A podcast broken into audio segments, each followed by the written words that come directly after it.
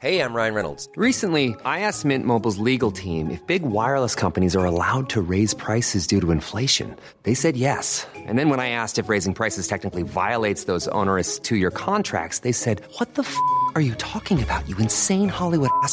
F- So to recap, we're cutting the price of Mint Unlimited from $30 a month to just $15 a month. Give it a try at mintmobile.com slash switch. $45 upfront for three months plus taxes and fees. Promo rate for new customers for limited time. Unlimited more than 40 gigabytes per month. Slows. Full terms at mintmobile.com. Hey Dave, Yeah, Randy. since we founded Bombus, we've always said our socks, underwear, and t shirts are super soft. Any new ideas? Maybe sublimely soft. Or disgustingly cozy? Wait, what? I got it. Bombus. Absurdly comfortable essentials for yourself And for those facing homelessness. because one purchased equals one donated. Wow, did we just write an ad? Yes. Bombas. Big comfort for everyone. Go to bombas.com slash ACAST and use code ACAST for 20% off your first purchase. There's never been a faster or easier way to start your weight loss journey than with PlushCare. PlushCare accepts most insurance plans and gives you online access to board-certified physicians who can prescribe FDA-approved weight loss medications like Wigovi and Zepbound for those who qualify. Take charge of your health and speak with a board-certified physician about a weight loss plan that's right for you. Get started today at plushcare.com slash weight loss. That's plushcare.com slash weight loss. plushcare.com slash weight loss.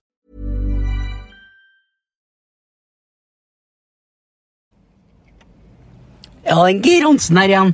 Du, som eh, fag, fagmann da, på konstant jakt etter gode analyser, så merker jeg jo det at det finnes jo to typer baner i Norge. vet du, Det er jo tre. Det er naturgress, kunstgress, og så er det Hordalandbanen. Vi er på å snakke om at det regner sånn i Bergen, men har du sett hvor mye den mannen produserer av spytt under en kamp, eller? Det er ikke rart det blir fuktig vet du, på banen. Nei, altså, eh, det var bare en lite innspill da, fra en fagmann. Eh, god podd da, gutta. Oi, oi, oi, oi,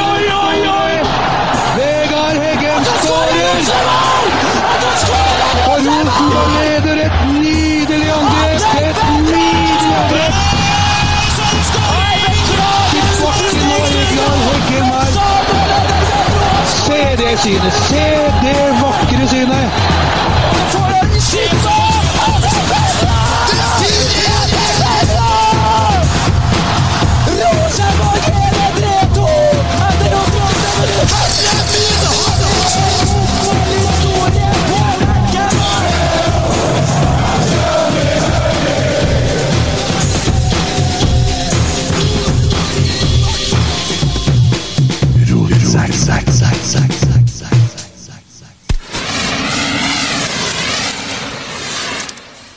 Vi må ha litt pyro. Vi må definitivt ha litt pyro. Det er vi så enige om. Vi kommer til å bruke litt pyro bakom her. Håper det går greit for alle. Nei, nei, nei, nå ble du brannskada, du. Nei, det går bra. Å, Espen Viken, hei! God morgen, god Velkom, kveld, god dag. God dag, og det er ikke noe god helg. Nei, eh, men eh, når du holder på med dette ganske mye, så lager jeg noen gode strategier. Ja. Så jeg er ferdig med en ræva kamp etter fem minutter. Er det det? Da er jeg bare parkert den. Kan du lære bort det til meg som har eh, trengt tre dager? Det koster mye, da. Men Ja. eh, selvfølgelig, jeg kan lære deg. Tar ei uke. Ja. Må jeg da sånn bli buddhist og Nei. Trenger ikke å bli buddhist, du må bare gå litt dypere i deg sjøl. Ja. Så må du sortere litt eh, og finne noen sånne bokser. Og en boks som heter søppel og skrot. Og der må du bare liksom samle sammen kampopplevelser til en eh, ball som tilnærmer rund, og så bare kaste den opp her. Og når du hører det smeller i bunnen, så er du ferdig. Ja. Skal vi åpne den boksen litt i dag? Vi må nesten det. Mm. Det går an å kikke litt på den. Ja. Vi har jo en Emil her òg. Hei, Emil. sann, Ja. Hørte så vidt en liten rapelyd fra halsen din mens han prata. Hørte ja? Jeg trodde det kom av ja. Ja, nei, det gjorde ikke. Jeg tenkte å brøle ut nå. Ja, vi sitter her nå. Det er søndagskveld, og vi sitter og ser fotballekstra. Eh, Haugesund leder over Bodø-Glimt. Eh, dessverre så er det et annet lag som må lede, eh, som Molde. Men det, først, den første Espen Viken. den første, den første. Den har du hørt før? He? Ole Saga. Den første, den første. Den første. den første. Jeg må ærlig innrømme at eh, Ole Saga han er hakket hvassere enn Petter Rasmus på fotball og det å være forberedt. Ja, Men ja, ja. bortsett fra det, så er han en simpel bladsmører som leverer akkurat de klikkartiklene som Adressa-styret vil ha. ja. Han gjør ikke mer enn det som må til. Jo, altså Ole strekker seg, han. Men han er jo ikke ute Altså, han hadde jo ikke gått ut fra Journalisthøgskolen med gode betyg. Det hadde de ikke gjort. Nei. Du har en liten personlig Nei, nei, nei, nei. nei. Ikke Men uh, du ble oppringt uh, for ikke ei uke, tre ja, Det er en stund siden. Det var pyro på Kjernen. Du er jo, for dem som ikke vet det, leder i Kjernen. Er det det heter noe sånt? Ja, Det heter talsmann, Talsmann, ja. men det går ikke an å være talsmann i Kjernen hvis du ikke er leder. Nei. Og Det er vel det som kanskje er greia. da, At jeg kom inn, så ble jeg leder i Kjernen. Ja. For eh, hvis du skal være klar å ta ansvar for noe, så må du ha en leder. Ja. Eh, så det var vel egentlig det jeg gjorde når jeg kom inn. Men uh, også har det vært en uh, sesong uh, For vi kan jo nå Det har jo gått et døgn siden denne kampen i går, så vi trenger ikke å begynne direkte på den. Men vi kommer jo selvsagt til Vi kommer jo selvsagt til eh, Rosenborg-Brann. Eh, Men eh, det har blitt fyra litt pyro, ulovlig vel å merke. Eh, det er jo det. Og så kom det en sak av eh, nevnte Ole Sagbakken i Adressa om at det var ei dame som hadde fått eh, voldsomme brannskader. Ja, jeg snakka jo med hun jenta. Ja, for hun tok kontakt med deg. Nei, eh, jeg ringte opp. Jeg fikk nummeret fra sikkerhetssjefen til Rosenborg, arrangementssjefen. Ja. Eh, og jeg ringte opp. Eh, vi har laga oss ei rutine, vi. Sånn at når det er noe som dukker opp eller skjer, så tar han kontakt med meg med en gang, for vi trenger jo å snakke med dem.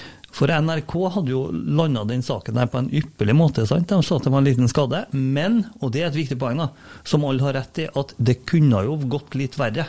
Hvis hun hadde på seg ei lettantennelig dunjakke, hvis det hadde vært annerledes. For det er jo, altså Rosenborg har jo parkert eh, rullestolramper under supporterne på Øverøst. For nå, nå snakker vi selvfølgelig om dem som sitter på tribunen under snakker vi Øvre dem, eh, dem som dem som sitter ikke- under ja. oss. Så Ja. det er klart at vi må jo faktisk gjøre en jobb med å sikre oss at det ikke ramler ned ting som ikke skal ramle ned fra der vi sitter, for det sitter folk under oss, og dem, noen av dem sitter ganske fast Ja. der de er, med, og det må vi ta ansvar for. Men jenta var ikke helt imponert over adressa, hun heller. Eh, For hun kjente seg ikke helt igjen i den Ole skrev. Og hvis dem du intervjuer ikke kjenner seg igjen i det som står i avisa, så er det vel stryk, da, på Mm.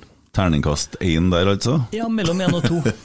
Det er jo noen fakta der som selvfølgelig er rett, men Ja. det er mellom én og to. altså Det er meget svakt. Ja. Men jeg tipper klikkene i adressa eh, fikk uttelling. Og hvis det er klikk du er ute etter, og ikke etter å skrive ordentlig, så tror jeg nok du eh, lykkes godt i adressa. Her får han passe påskrevet. Ja, men det fortjener han. NRK hadde dekninga akkurat samme saken, og de hadde balansert og fint. Null stress. Ja. For vi er jo ikke ute etter å gjemme bort ting, men Nei. vi kan ikke ha sånne hysterikere som springer rundt.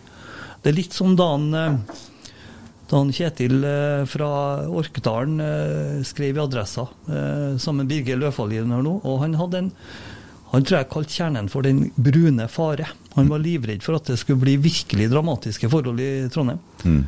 Men når eh, jeg hadde med sikkerhetssjefen nedover på Rasmus og Saga, og han sa at slutt å tulle, dette er fine folk, Mm. så ble det litt roligere. Men eh, vi må faktisk forholde oss til virkeligheten, og vi må prøve å være litt nyansert, sjøl om vi vil selge aviser. Det, Mm. Ja, for den, den skaden på den omtalte episoden, hun, den var ikke sånn veldig, veldig stor. Men eh, problemet her da, det er at når man har da brukt pyro, så har man hengt litt over kanten, og så drypper det ei glo ned. Det er det som skjedde, ikke sant? vi har noen som blir ekstra ivrig, og når Vålerenga står på borte og fyrer veldig, Ja. så blir noen eh, Noen har da Jeg vet ikke om de har selfiestang, men de har litt den feelingen du har når du har selfiestang. De skal lage the moment. Ja. Og da blir de litt i overkant ivrige, og det kan vi faktisk ikke være altså, når det står rullestoler på under. Det går ikke. Nei. Men hvordan er det å stå inni her? Jeg har aldri gjort det. Jeg lurer på hvordan det er. Er det et system og rutiner for det eller er det bare alt overalt? Vi har ikke røykdykkutstyr på Nei, Øverest. Når det går av 50 bluss og 30 røyk, så må du dekke deg til. Ja. For det er ikke noe sånn voldsomt ålreit. ålreit.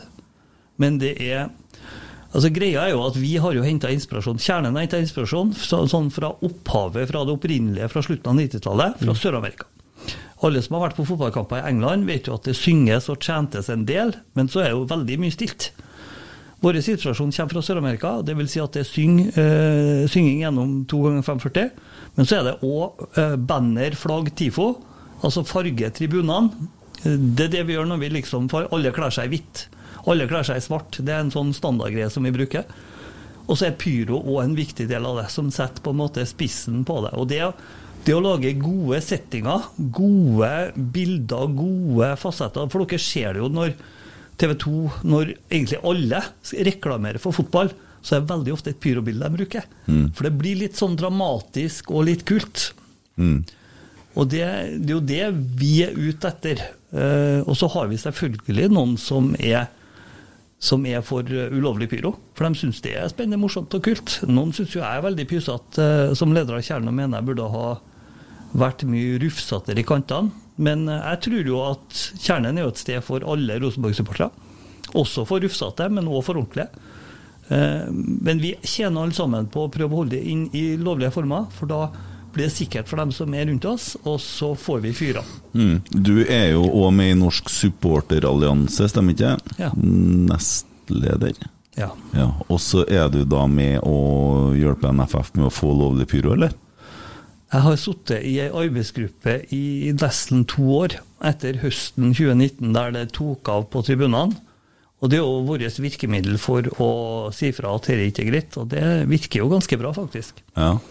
Eh, Så NFF var jo innstilt på å fornye pyroreglementet. På å eh, Fra før har vi hatt en standard med at det er pyrofyring før kamp. Nå har de eh, åpna og sagt at det kan fyres både før kamp, det kan fyres i pausen, det kan fyres etter kamp.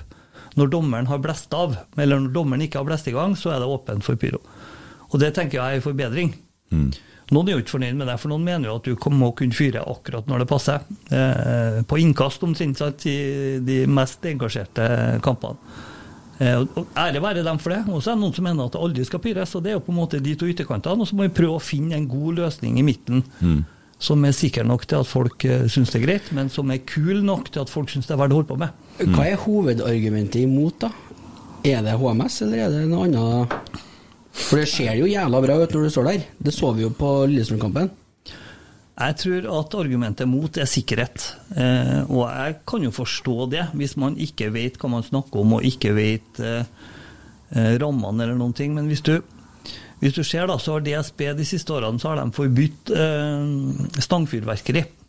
Og det er jo ut ifra alle skadene. Altså, I starten av januar, når avisene kommer ut igjen, så er det jo alltid noen øyne, noen hender, noe liv som har blitt ødelagt pga. fyllefyring eh, på nyttårsaften med bla- innblanda unger og full pakke. Pyro på norske tribuner er noe annet. Eh, Hvis du skal finne eh, pyroskader, så må du omtrent eh, be Ole Sagbakken skrive artiklene for å få det dramatisk nok. Eh, For det er altså så Sånn småbitter, den der.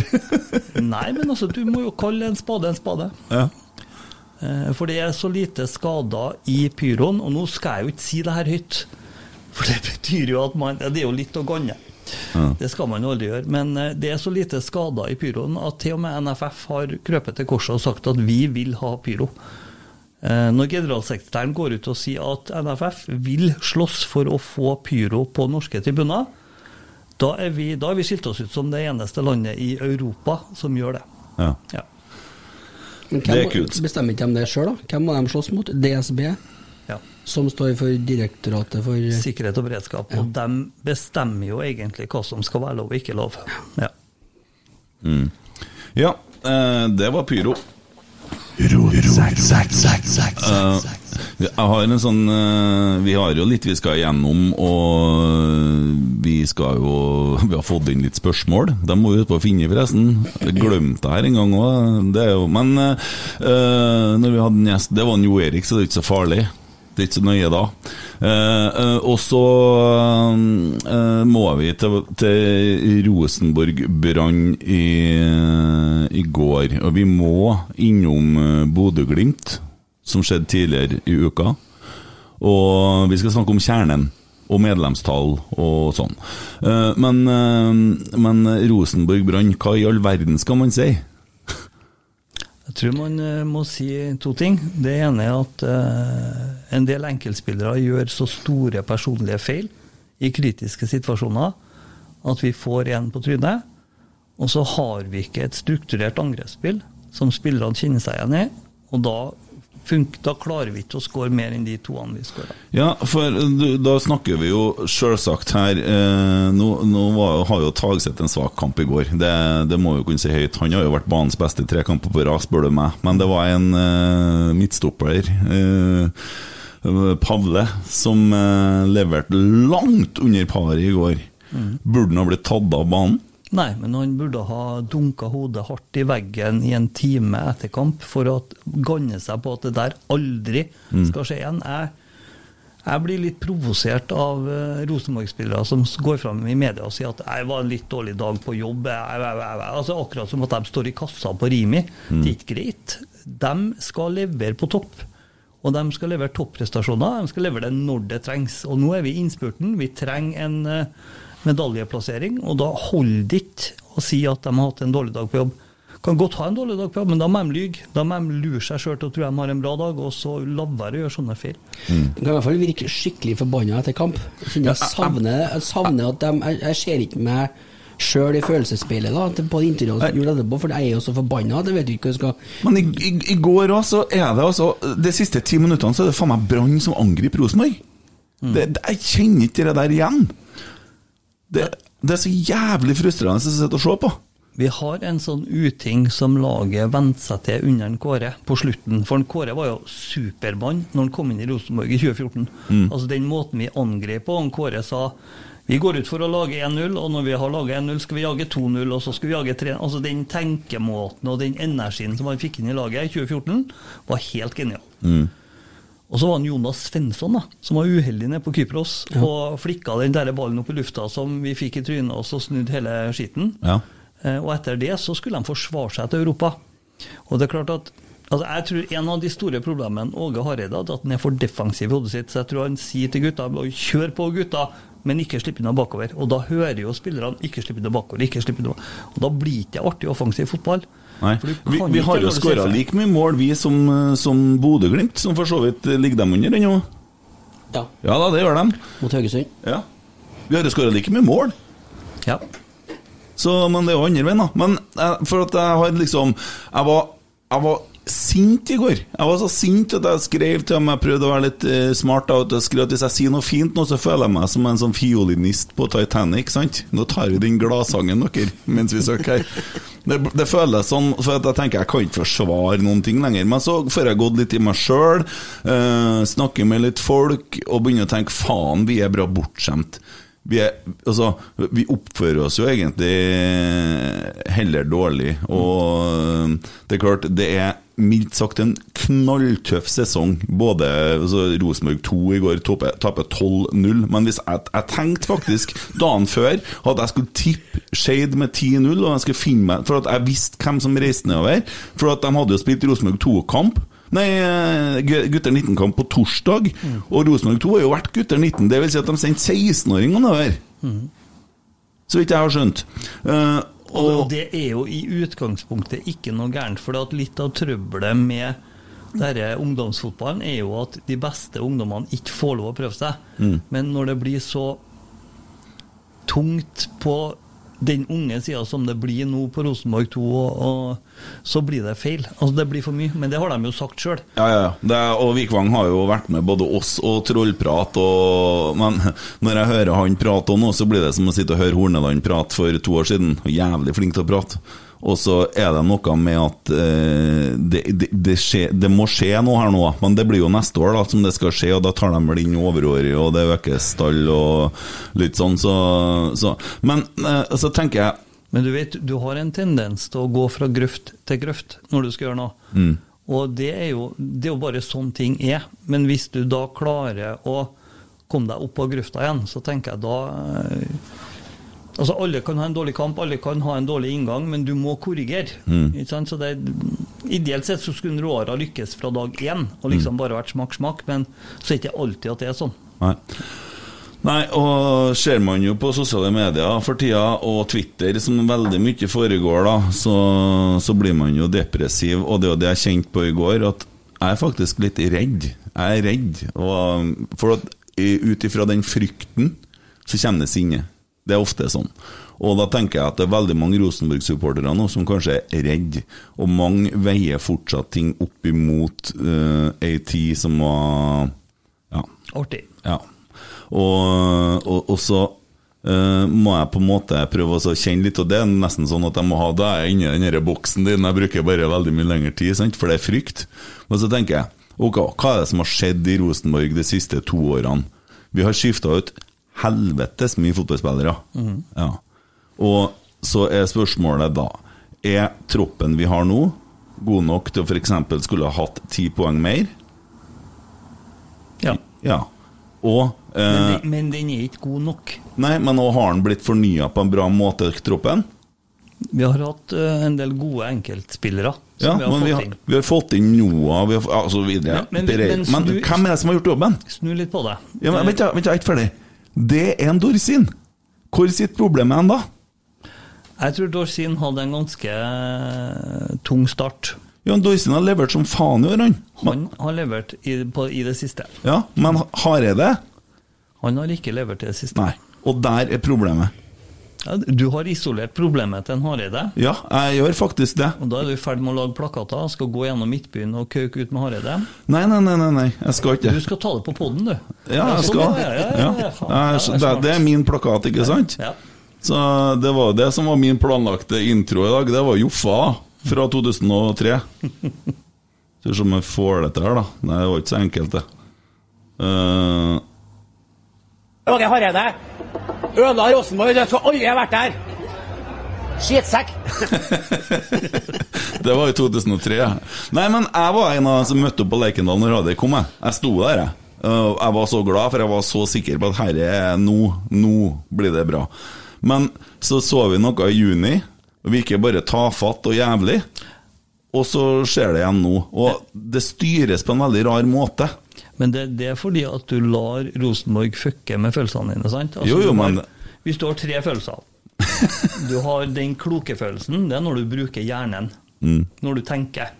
Og så har du den hipp hurra-følelsen, og så har du den der bæ-følelsen. Når du lar Rosenborg fucke med følelsene Altså, Åge Hareide kom inn som trener. Jeg er jo enig med Joffe. Da Åge kom inn i, på tidlig 2000, så ødela han Rosenborg. For at han, det han tok ut da, som ble borte, det var den evnen til å vinne i de siste ti. Rosenborg var helt magisk, for at alle visste at hvis det var 1-1 eller 2-2, eller man lå under, så visste man at de siste ti minuttene, det eide Rosenborg. Og det er noe som kjennetegner et angrepslag, sant, som på en måte kjører på. Mm. Og han hadde jo det uttrykket på seg 'ræva fotball'. Det kom etter en Ja. kamp mot Hareide. Ja, fordi han kjører den defensive stilen. Altså, han Mm. han, altså det er jo som om Bjørn Hansen hadde eid Rosenborg på 90-tallet, og Nils Arne hadde vært assistenttrener på angrepsfotballen. Mm. Det blir feil. For det blir motsatt tenking av det vi ønsker oss, da. Ja. Ja. Jo, men også uh, Så hvis du trodde at Åge Hareide kom inn for å lage et lag anno Nils Arne i 95, så enten så vet du ikke hva du snakker om, eller så Nei, går du i hipp hurra-boksen. Vet du hva jeg trodde? Jeg trodde at vi fikk kanskje en ny Hamren-aktig tilværelse. For at jeg så, og det At vi var vant sol... 1-0. Ja, jeg vet det, men jeg elska Hamren, for jeg likte på en måte euroen og alt. Jeg gjorde det. Eh, Jålebukk. ja, ja. Røyke sigar, vet du. Men, altså, men også at vi skulle bli solid. Og det var det vi snakka om i presisen nå. Sant? Eh, Solid. Det så jævlig solid ut. Men så begynner dette her med at spillere som da er sentrale, ikke vil være her. Vi har, altså, neste år da, så har vi ingen eh, midtstoppere. Eh, vi har eh, en som virkelig har bomma i går, da, som står igjen som midtstopper, og en kanskje Augustinsson, og så mulig Henriksen osv. Jeg skjønner at det kommer en trener her som skal sette litt preg på laget, men poenget mitt er at Men vi har jo ikke hatt noen midtstoppere som kan ta den rollen vi ønsker. sant? Altså, Sånn kortsiktig tenkt så var det steike dumt av Rosenborg å gi slipp på en Tore Mm. Men der var det vel en, en, en, et problem mellom Tore og, og Dino, har jeg hørt rykter om. Det kan sikkert være, men problem lar seg løse, vet du, hvis Mm. man vil. Mm. Eh, Men man hadde nok en tanke om at man skulle eh, gå ut og ordne på annet vis. Og det er jo helt rett, Tore er jo blitt en godt voksen mann. Og det å bygge et lag rundt en godt voksen mann er jo kanskje litt dumt. Det er det, men altså, det er klart at det Men han blir hadde hjulpet. Sånn som ståa har vært siste året, så hadde han hjulpet. Men blir det lite altså, Når du skifter ut så mange, da Jeg har fortsatt den øh, Åge-tanken i hodet som jeg holdt på å snakke om i stad, for jeg skal inn på et poeng. Eh, men eh, når at, eh, når at eh, du bytter ut så mange spillere, selv om de er gamle, så mister du jo kontinuitet. For du har jo ikke noen kontinuitetsbærere igjen i laget. Og da blir det veldig mye unge folk, og da blir det ustabilt, ikke sant? Ja, ja. Ja. Altså, ungdommer gir ustabile prestasjoner. Ja. Og ei spillergruppe som ikke er toppspillerfokusert, gir ujevne prestasjoner. Eller egentlig gjennomsnittlig dårligere prestasjoner. Mm.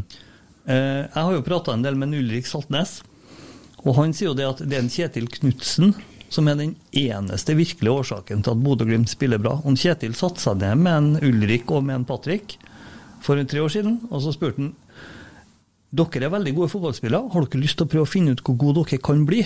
Men da må vi legge om. Da må vi begynne å ha et annet fokus. Da må vi begynne å tenke på fotballen vi spiller. Vi må begynne å tenke på valgene vi gjør. Vi må tenke på det vi spiser, når vi sover. Altså, vi må ha fokus på det vi skal bli gode på. Så han tok tak i begge dem to, og de var hypervillige begge to, for de hadde egentlig tenkt å begynne å gi seg, både en eh, Ulrik og en Patrick. Så det som skjedde, er egentlig at en Kjetil har innført toppidrettskultur i Bodø-Glimt. Mm. Og da har, du, da har du på en måte en forutsetning da, for at du leverer prestasjoner. Sant? Så selv om de ligger under 1-0 nå, alle lag kan ligge under en gang. Alle lag kan tape kamper òg.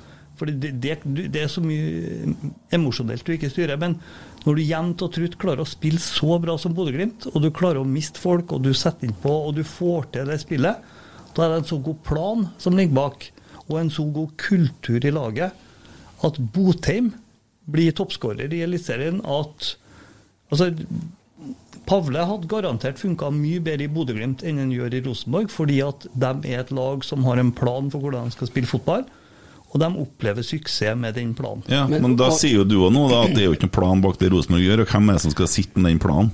Jo da, det er jo en plan, men spørsmålet er hvor god den planen er offensivt. fordi at hvis du tenker deg at Nå kommer jeg på medlemsmøte. Du fyrer opp en Åge litt, da. ja, Han ble litt irritert på meg, men jeg ville jo høre hva han tenkte. Han ble svart i øynene. Ja, men jeg ville høre hva han svarte. for det blir litt som en Erik Hamrén. Jeg intervjua han ett år etter at han slutta hos oss. For da var han på trenerforum her på Scandic Lerkendal.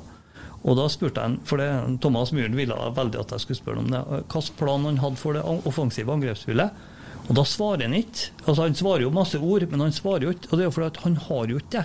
For det er ikke det som er hans agenda. Og det er jo det som er forskjellen på Nils Arne og de fleste andre trenerne vi har hatt på Lerkendal. Nils Arne eier jo angrepsspillet som det viktigste i fotballen, mens de andre bruker det for å skåre mer mål enn de slipper inn. Men, Leder Molde 3-0? Ja, Helvetes drit, altså. Men Hareide er jo en person som kunne vært i stand til å få til det der, men det Knutsen gjør. Altså, Kanskje ikke på akkurat samme måte, men det tar jo tid. Det holder jo ikke med et år.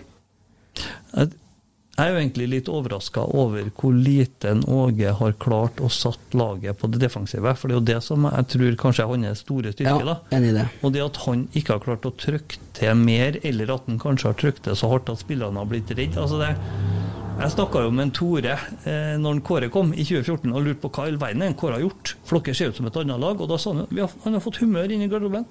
Vi har senka skuldrene, og vi har det artig når vi spiller fotball. Mm. Det, Men, Åge, da. Eh, altså jeg, grunnen til at jeg var så glad, var fordi at jeg har sett det han har gjort med Danmark, jeg har sett det han har gjort i Malmö. Men jeg har jo friskt i minne når han var norsk landslagstrener, og det syns jeg var drit. Og jeg syns det var noe drit når han var i Viking. Mm. For det rakna jo. Det var jo bare luftslott og piss. Og det var akkurat Viking så ut den gangen som Rosenborg gjør nå. Og så tenker jeg, er han en sånn en som er avhengig av Altså, hvis at Rosenborg Han takler motgang jævla dårlig, ser det ut som. Det, det, det ser jo ikke ut som at vi klarer å reise oss. Altså, du forventer etter Lillestrøm-kampen at nå kommer vi og er tent.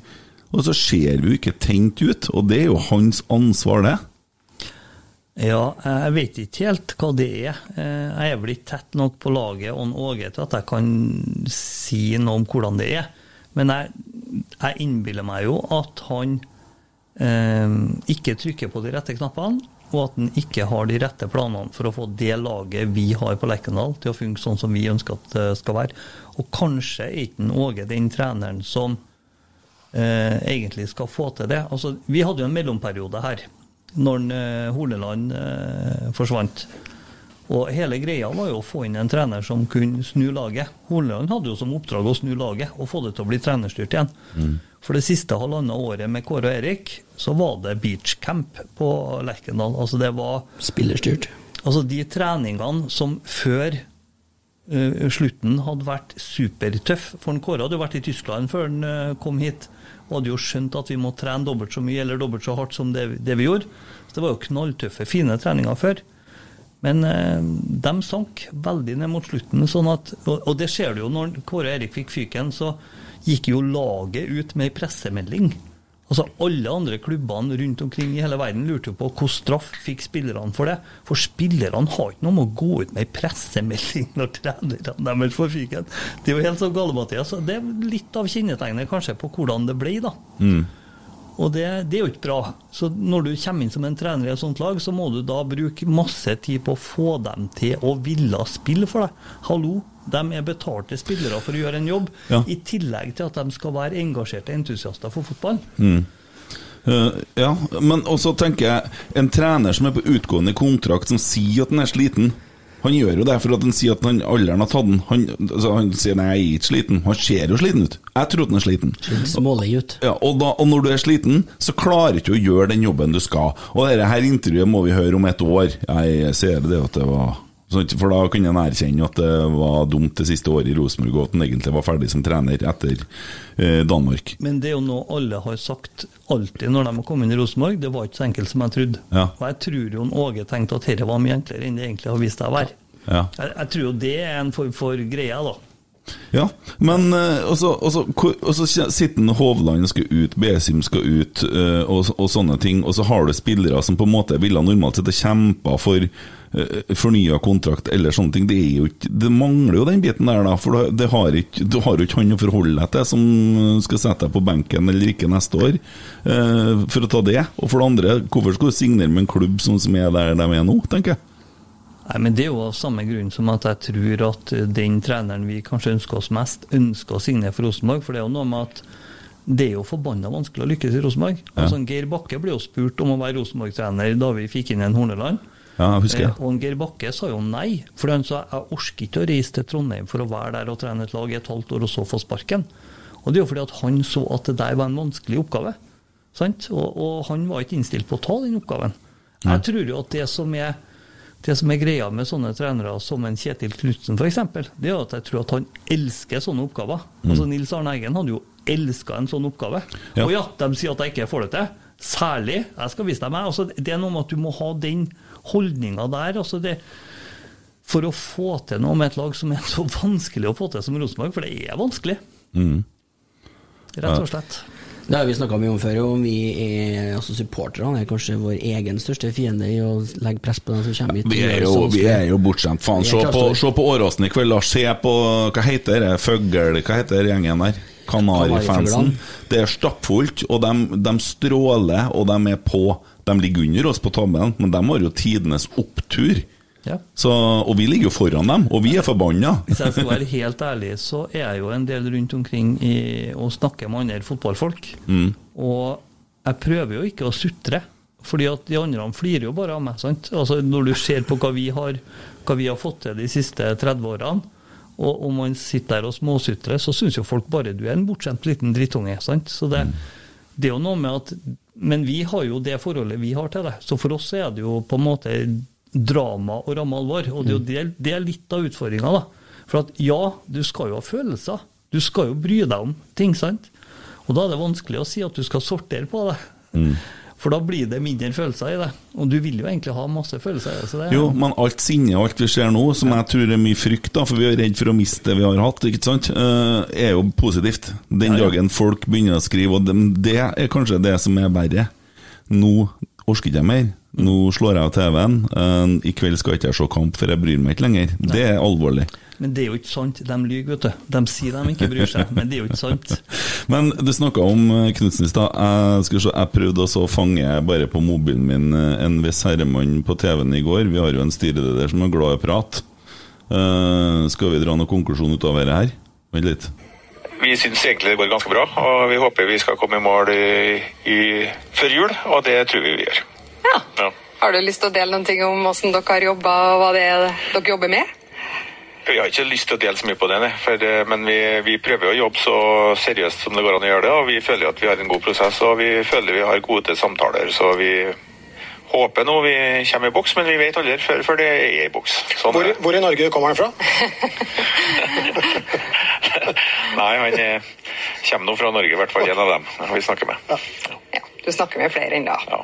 Vi skal ikke Og der er et poeng da, Han sier en av dem er fra Norge, og alle skjønner jo at det er Knutsen. Man presiserte jo at det er to, men etterpå på Twitter så står det at noen har skrevet at han, han har sagt at eh, han vi snakker med, er norsk. men det er nå en av mange. Eh, Ivar Men jeg, jeg tror jo at en sånn sak som ansatt trener, der tror ikke jeg vi skal gå på ortografiske feil i et intervju på farten. Mm. For å på en måte gjøre de helt store avsløringene. Da er vi litt langt ut i konspirasjonspodden, syns jeg. Ja, men hva tror du om trener, da? Hvor langt har Rosenborg kommet med Knutsen? Jeg tror Rosenborg har kommet ganske langt. Eh, og så tror jeg at en trener som spiller 2-2 mot Roma, klarer å ha et nordnorsk lag som ingen har hørt om, som ser ut som de spiller som de er på trening. Mm. Altså, de leker seg. De drar av to mann som bakerste mann i midtstopper. Drar av to angrepsspillere fra Roma Mm. på bortebane. Altså, det er jo noe med at jeg tror folk ser at han kan være en veldig interessant trener. Mm. Eh, Så jeg, det jeg er redd for, er at noen andre vil ha han som betaler 10-20 ganger av det vi betaler. Mm. For det kan jo være fristende for Kjetil Knutsen. nå. Det vet jeg jo ikke, jeg kjenner jo ikke så godt personlig. Så Nei. tror jeg det at det å reise hjem og det å reise hjem og eh, ta hjemmelaget, det tror jeg òg alltid vil være noe. Så jeg tipper at vi har to utfordringer en Kjetil. og Det ene er at han får et lukrativt tilbud fra utlandet, og det andre at eh, at Brann finner ut at de må overtale han. Altså, vi, vi hadde jo egentlig Kasper Hjulvann. Mm. Ja, han var jo klar. Han var klar, Ja. men så ringte jo Danmark og sa Kasper, du må stille opp for hjemlandet ditt, og da er det, var det vanskelig for å holde det han hadde avtalt. Mm. Så, og sånn er det jo. Men hvis du skal sette penger på hvem som blir trener neste år i Rosenborg, Jeg vil ha en Kjetil Knutsen. ja, hvem tror du blir trener i Rosenborg neste år? Jeg tror Kjetil Knutsen blir trener i Rosenborg. Det var det jeg trengte å høre. Eh, ja, bare det. Eh, jeg- vi har en sånn diskusjonsgruppe på Facebook. Hvis jeg sier til dere nå at det er viktig at dere holder med Manchester United, det er viktig at dere støtter Ole Gunnar Solskjær, det er viktig at dere er stolt av ham, og det er viktig at dere ser kamper og bryr dere om ham, hva tenker dere da? Jeg har ikke så mye tanker rundt det, egentlig. Nei. Jeg har jo hatt en periode der jeg har vært veldig opptatt av engelsk fotball, men jeg har jo begynt å skjønne at eh, det er jo egentlig bare en stor mediejippo som har kuppa alt som heter ærlig og troverdighet. Mm. Eh, Men, og troverdighet, men hvis at jeg insisterer på at du må, må holde med Manchester nå, du må like Men Manchester hvorfor- United hvorfor dem? Jo, fordi at Ole Gunnar Solskjær Vi skal unne han, for han er norsk, og vi skal kjenne Ja. på det.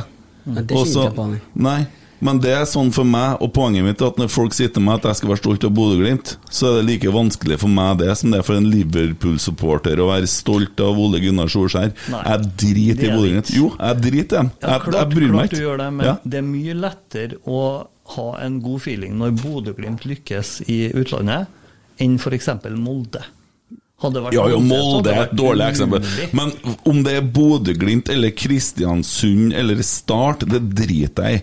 Og det er hyggelig at et norsk lag gjør det bra, men det er ikke hyggelig for meg at motstanderen min i serien jeg spiller for 30 millioner kroner pluss, pluss, pluss på kontoen sin. Nei, det er ikke noe hyggelig. Jeg håper ikke at de får noen kroner på kontoen sin, for jeg vil ikke at motstanderne våre skal bli bedre. Jeg har ikke noe følelser for det laget der i det hele tatt. Når jeg så den kampen eh, på torsdag, så holdt jeg med Roma. Og de var jo så ut som Rosenborg gjorde i dag, For, nei, i går. du, du så kampen? Ja, jeg måtte nå det. Og jeg satt, og, jeg satt, jeg satt penger på Roma. Jeg tenkte jeg skulle legge ut på Twitter etterpå. Nei, men jeg, jeg også så jo kampen. Jeg, jeg unner Bodø-Glimt det, det, det, gjør jeg. Men jeg har ikke noe følelse utover det. Jeg så også United City, Mm. eh, fordi at jeg liker å se på fotball.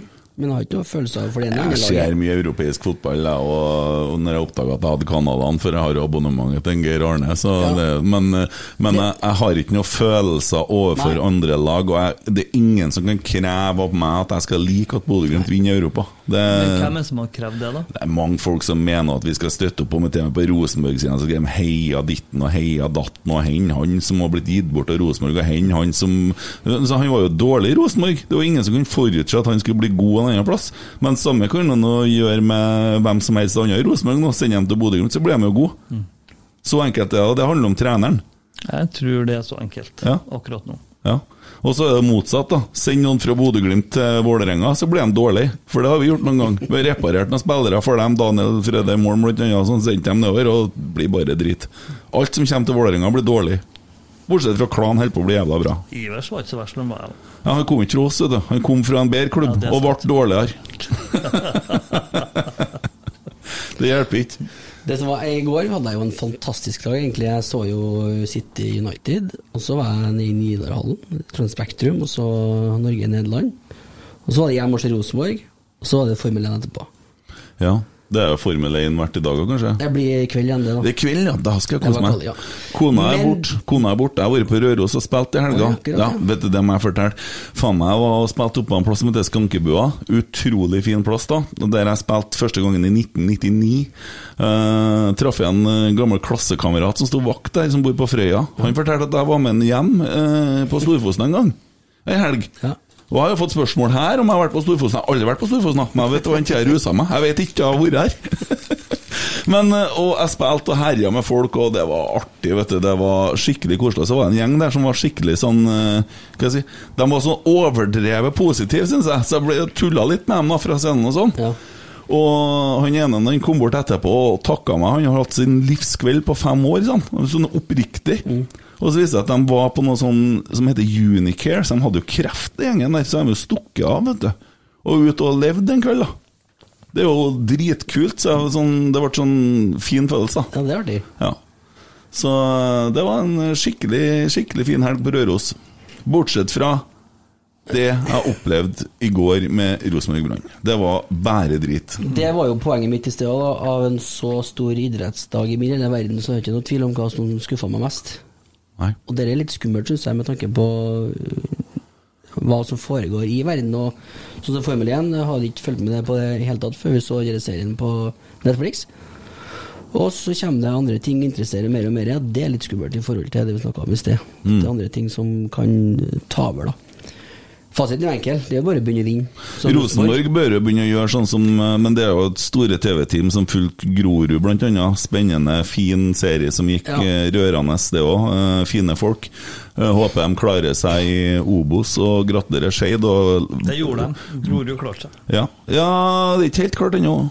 Jo, han vant 3-0 siste Jo, nei, det er på Det vil, i, som en ville ha sagt, en seriøs pod fiberhåret, som vi her kaller fetthåret. Det, det er ikke helt, helt done deal, nei. Men det er nært. Det er artig, artig lag, da, syns jeg. Har du, har du funnet noe Har du funnet noe trolling? Ja, jeg har funnet en. Du har Har- én? Ja, I dag kunne du ha fått 22, sa jeg for meg. Det er mye, ja, men har én. Bare én, ja. Skal vi kjøre pling på engelsk fotball? jeg bare satt jeg skulle bare se for at jeg kom på at uh, Ranheim har kanskje spilt i dag, har ikke han det? Ranheim har spilt i dag. Jeg har ikke fått med meg hva det ble. Hva ble det? Det ble vel det De tapte 3-1 mot, Ja. eh, Rane- mot Start. Ja. Tapt mot start, ja. Jeg var på Ranheim for å se, eh, se For å følge Kaminsi og Seid mot eh, KFUM. Kaffa, med Koffa, Kaffa. Eh, og der Seid skåra jo, men han var Jeg er ikke sikker på at han blir midtstopper på Rosenborg neste år. Det er ikke jeg. Så har jeg sett en del Rosenborg 2, og mye lovord om Håkon Røsten, men jeg tror han trenger litt tid ennå. Men der har du jo et virkelig talent som kan bli. Men der har du greia igjen, sant? At hvis du, hvis du kommer inn på et lag der du har en trener som har en plan, og du velger å være med, og du får ei ramme du trener inn i som er knallhard, men som på en måte du vet hva som forventes av deg, Og så, og så er alt avtalt. Altså, du har det klart på en måte hvordan du skal jobbe, og hva du skal gjøre, og hva forventninger det er til deg. Da har du en sjanse til å lykkes. Hvis du er usikker på det, så er det i hvert fall 70% av spillerne som ramler av. Da står du igjen bare med 30 sånn, som kan lykkes. Du ser på en Vecchia. Han kan jo lykkes på, med den måten vi spiller angrepsspill på nå, fordi han er en så dyktig fotballspiller med så mye erfaring. At han får til det, for han ser åpningene, og han er på en måte på Hvis du tenker Rosenborg de siste tre-fire årene, så har vi vi, vi har jo sett alle de fine løpene som har gått, sant? men det har jo aldri han med ballen skjedd. Han med ballen har jo stått og surra eh, bak eller holdt på med noe annet, og så har det gått fine løp. og så, Mm. så greia er jo å få det laget som når løpet kommer, så er det en med ball som vet hvor han skal gjøre av den. Mm. Og det, det har jeg savna de siste årene. Mm. Det ser ikke ut som det er så artig å spille fotball lenger når du spiller på Rosenborg som det så ut som før. Det er noen kamper, men det blir for sjeldent. Ja. Det er noen kamper det virkelig ser gøy ut. Og da ser du jo et rimelig høyt nivå. Eh, nå slo vi jo på håndbrekket mot var det Sandefjord. Da, men det tror jeg var smart. da Jeg trodde det fordi vi skulle møte Haugesund noen dager etterpå, men, det- ja. men uh, det var jo hyggelig. Og det har jo vært noen sånn hyggelige opplevelser for all del, så vi ser jo at laget har jo et jævlig stort potensial.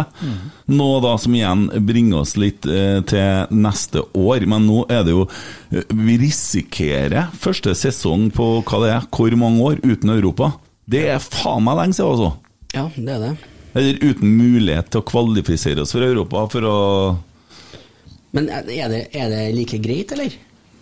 Nei, det er jo ikke det, for økonomisk er det jo kjempekrise. Selvfølgelig. Men hvis Knuten kommer, da, så er det fullt fokus på det som skal gjøres. Kan ikke vi at han skal lykkes eh, første året. Nei, han må få lang tid på seg, han. I hvert fall tre år. Og det, er det det, noen altså. trøndere er det, er det noen av lytterne her som er villige til å gi Knutsen lengre tid enn ett år, tror du? De kan si det nå, men eh, så kommer det, og så skal vi det, det er én ting som er, som er gjennomgående, og det er at man vil se at laget prøver. Man vil se noen ting man kjenner igjen. For at man har vært med på dette før. Man har sett en, en trener som har prøvd og prøvd og prøvd og prøvd. Og prøvd og prøvd. Og så var det sikkert mange som ville hive ut negget nå i 94, fordi at han tapte for mye i utlandet. Han må begynne å spille smartere. Altså, det var masse folk som ikke likte Neggen. Så det er jo ikke før han liksom begynner å vinne stort i utlandet, det er jo da han blir populær på ordentlig. Og sånn kommer det jo til å være med en Kjetil òg. Men jeg tror jo at en så dyktig trener som en Kjetil, som har fått til det han har klart å få til, tror jeg vil klare å bygge inn sånne ting underveis i spillet som gjør at folk ser at her er det faktisk noen som kommer til å komme. Altså de bygger inn et potensial. For du lever jo ikke på gamle bragder noe lenge. Altså, det er jo sånn at en fotballkamp som er spilt, den er jo glemt.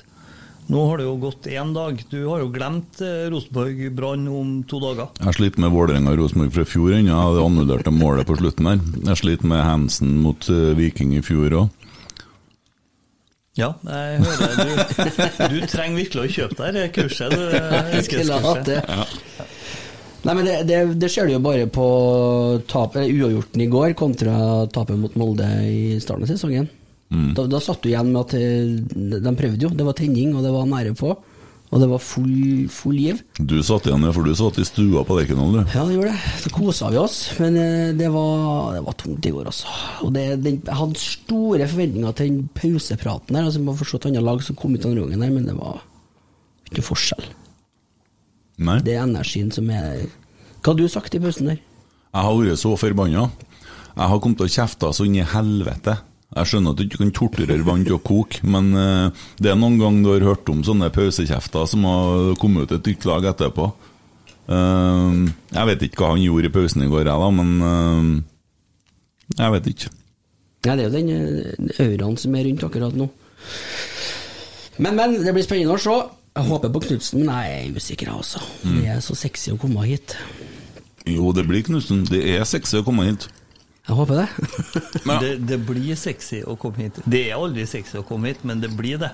Sant? Når ting begynner å funke, og når ting begynner å bli artig. Det er Da er det sexy å være. Litt, ja, uten tvil. Så tar jeg noen spørsmål. Jeg har en tåkedott i Sandefjord. En uh, evneveik mann som kaller seg Jonas Aune Sunde. Han ikke bruker han til stort sett mye annet enn bokstøtte. Han ber deg om å forklare Eller kan du forklare hva grunnspillet til Rosenborg under Åge er? Hva grunnspillet er? Mm. Ja, det er å prøve å ikke slippe inn mål og prøve å skåre mål.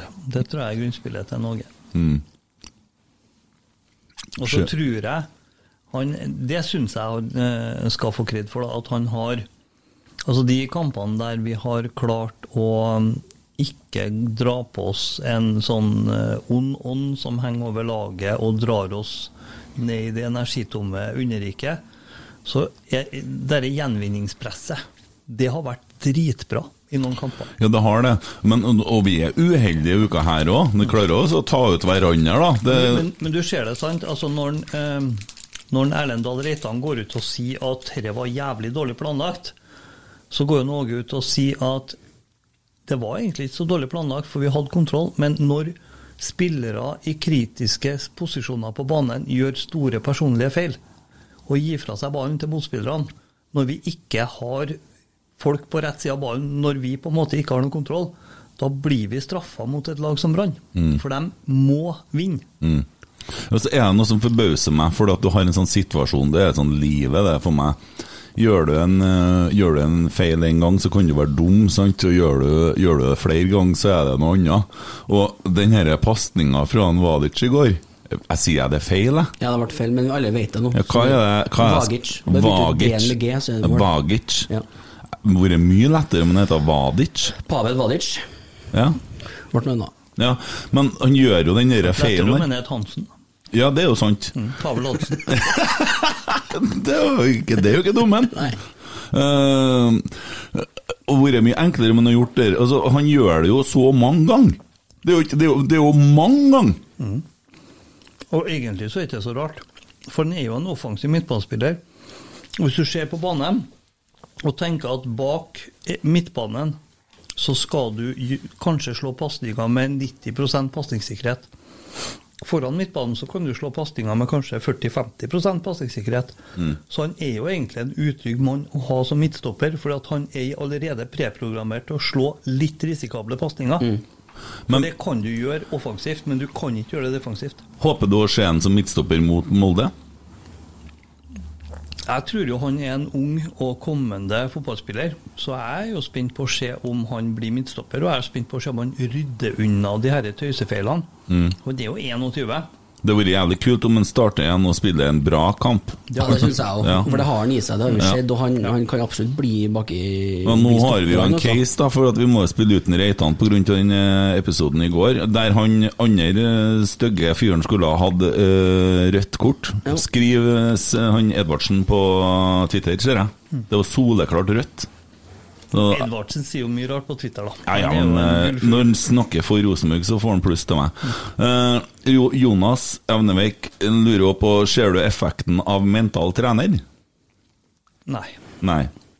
Ikke i det hele tatt. Vet du, det der er litt artig.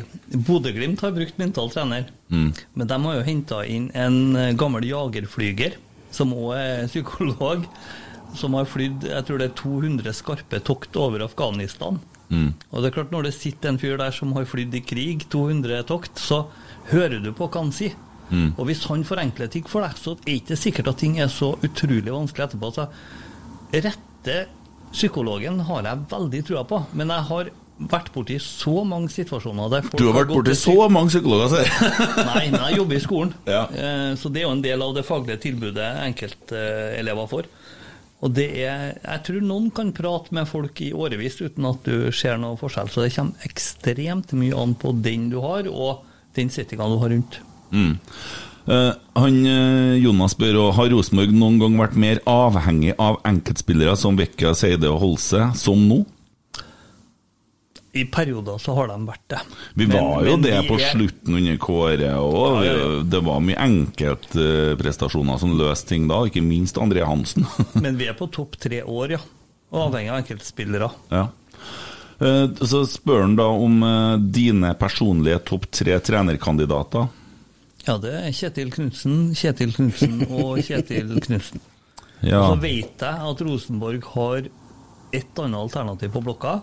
De vil ikke si om den er svensk eller dansk, men de mener helt bestemt at den er på nivå med en Kjetil Knutsen. For det, det Rosenborg har gjort nå, Og dette vet jeg jo, fordi at jeg prater jo med Jeg drikker jo kaffe med Ivar, jeg drikker kaffe med, med styret. Jeg prøver å møte dem litt når jeg har mulighet til det. For å fortelle dem hva vi tenker, og for å høre hva de tenker. Og jeg vet jo at de har en trener til på blokka, som de mener òg er en aktuell trener for Rosenborg, for de har laga en kravspekk. En av de tingene Åge har hjulpet til med når han har kommet inn, det er å lage en kravspekk. Ut ifra den kravspekken så kunne aldri Horneland ha fått trenerjobben i RBK. For de, et av de spesifikasjonene det er at treneren må ha en pondus, han må ha en tyngde og er- erfaring som gjør at du ikke bruker halvparten av tida på å krangle med spillerne om hvem som skal bestemme. Det må være en trener som bestemmer. En annen av kriteriene er at en skal ha både ferdigheter, erfaringer og resultater med å spille artig angrepsvillig fotball. Om det skal være 4-3-T, om det er 4-1, tro altså hva tallene er, det er ikke så forbanna nøye. For du kan spille angrepsfotball på mange forskjellige måter, ut ifra spillerstallen du har og hvordan du velger å gjøre det. Men det må være en spiller som spiller offensiv fotball. Mm. Altså Han må skåre flere mål enn en gjennomsnittet. Mm. Så i og med at Rosenborg har allerede liksom tenkt ut at sånn må det faktisk være og den, altså For å si det veldig enkelt, den kravspekken hadde jo ikke stemt på Torneland. Nei. Som, nå, som ble en nødløsning fordi de mista den treneren de ville ha. Og når vi så hva Kasper Hjulmann gjorde med Danmark i sommer, i EM, så tenker jeg jo Han hadde jo faktisk funka på Lerkendal, det er jeg ganske så sikker på. Mm. Hadde ikke blitt det samme som en Kjetil Knutsen, for det er noe magisk med måten Knutsen organiserer laget sitt på, og måten de spiller på. Men det hadde jo funka som gull. Og det er jo det jeg tror, at hvis vi får inn Kjetil, eller får et alternativt trenernavn fra Sverige eller Danmark som har samme, de, de samme genene, så tror jeg at vedkommende kommer til å få det til ufattelig mye bedre enn vi har fått det til de siste årene. Mm. Og er vi heldige, så får vi en som blir her en stund. Ja. For det er klart at én ting er å vinne Eliteserien, noe annet er å lykkes i Europa, noe helt annet er å komme seg til Champions League. Mm. Og Nå driver alle og sutrer om at det er, så, det er så vanskelig. Det er ikke lenge siden vi nesten kom til Champions League, altså. Nei, det er ikke det. Og det var under Horneland. Ja, det var under Horneland. Det, det var jævlig nært. Vi fikk i hvert fall hymnen på banen da. Men det, det så du under eh, Horneland, for han hadde jo arva Det var jo Kåre-laget som spilte under Horneland. Og der så du egentlig det potensialet i det laget som en Kåre hadde levert fra seg. Altså Når det var kamper der spillerne virkelig hadde lyst til å gjøre det bra, så spilte de jo bra. Mm. Hva tenker du om eh, Horneland-intervjuet da, som kom ut her om forleden? Nei, jeg syns jo det blir litt sutring. Men jeg Ja, det er tull av journalisten å lage det, og det er å spille. Det er jo bare tull. Men jeg vet jo at det er jo ikke Erik Hornland som har ringt og bedt om å få eh, lage et intervju. Det er jo litt sånn Ole Saga-greier med at man driver og skylder på desken, men man lager jo en klikksak. Om noe man vet folk eh, spør seg om. Det, det jeg syns er betimelig, det er jo at det setter et visst fokus på at her har styret i Rosenborg ballklubb gjort noe som ikke har vært noe særlig smart for klubben. Ja. Og det er jo et ansvar de har. Så, sånn sett så syns jeg det er betimelig og greit. Og derfor er det jævlig mange som mener at styret bør gå. Det er oppfølgingsspørsmålet, egentlig. Ikke gå, men hva tenker du om den debatten der? Jeg har diskutert veldig mye om det med, med kjernefolk. Og noen mener jo at treneren skal gå, noen mener han skal ta med seg spillerne, noen mener styret skal gå, noen mener administrasjonen på brakka bør gå. Så det er klart, det blir lite folk igjen til å spille fotball. Mm. Det jeg er ute etter, det er jo det at hvis, hvis nå styret skal gå, ja, hvem skal overta? Vi er i en klubb som snakker om kontinuitet. Ivar har redda oss økonomisk, for da han kom inn, så var vi egentlig på tur utfor stupet. For han Hamren hadde jo brukt opp alle pengene. Janne Jønsson skulle jo komme inn og være en god trener for oss, men han fikk jo ingenting. For Hamren hadde jo brukt opp alle pengene. Ja.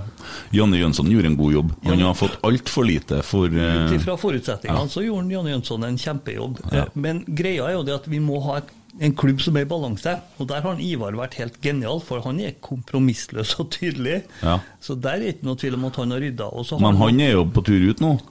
og så har han jo rydda på en del andre områder. Men hva, hva skal styret i Rosenborg være?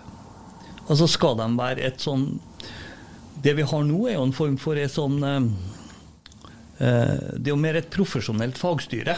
Eh, man snakker jo om at det er det er jo 200 millioner i omsetning, og du må jo ha folk med kompetanse for å drifte det. Jeg, Jeg er ikke så sikker, jeg. Altså, en eh, fiskebåt er jo fort verdt en 100 millioner, og når du ser de slarkene som kjører ut i den båten og henter inn ganske mye verdier eh, hver måned, så tenker jeg at det ikke er det det handler om. Men det handler om at du må ha folk som vil vinne for laget, men ikke på en sånn måte at vi taper neste år fordi vi svirrer kruttet. Men altså, det må være folk som brenner for det. Mm, så du vil ha fiskehandler Torske inn i styret, det er det du sier? Jeg er veldig usikker på om fiskehandler Torske brenner for Rosenborg, men det kan jo være du vet noe jeg ikke vet. Nei, vi snakker om Anders Arken som har Nei, men altså, det det er jo litt som det du sier, sant. Når du kommer hjem eh, eller slår av TV-en og har sett Rosenborg tape mot Brann, så er det jo den feelinga at dette skal faen aldri skje igjen. Altså, Det er jo den feelingen du må ha. Ja. Du kan ikke ha den feelinga at ja, vi var litt uheldige i dag, vi skal rette opp det til neste uke. Det, det blir litt for lettvint. Mm.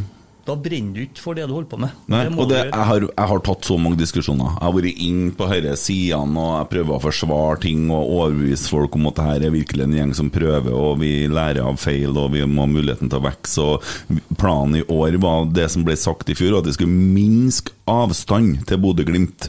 Han kunne ikke love seriegull i år før det var så tydelig stor avstand. Uh, Sjøl om vi har dårligere poengsnitt, så ser det ut som avstanden blir kortere.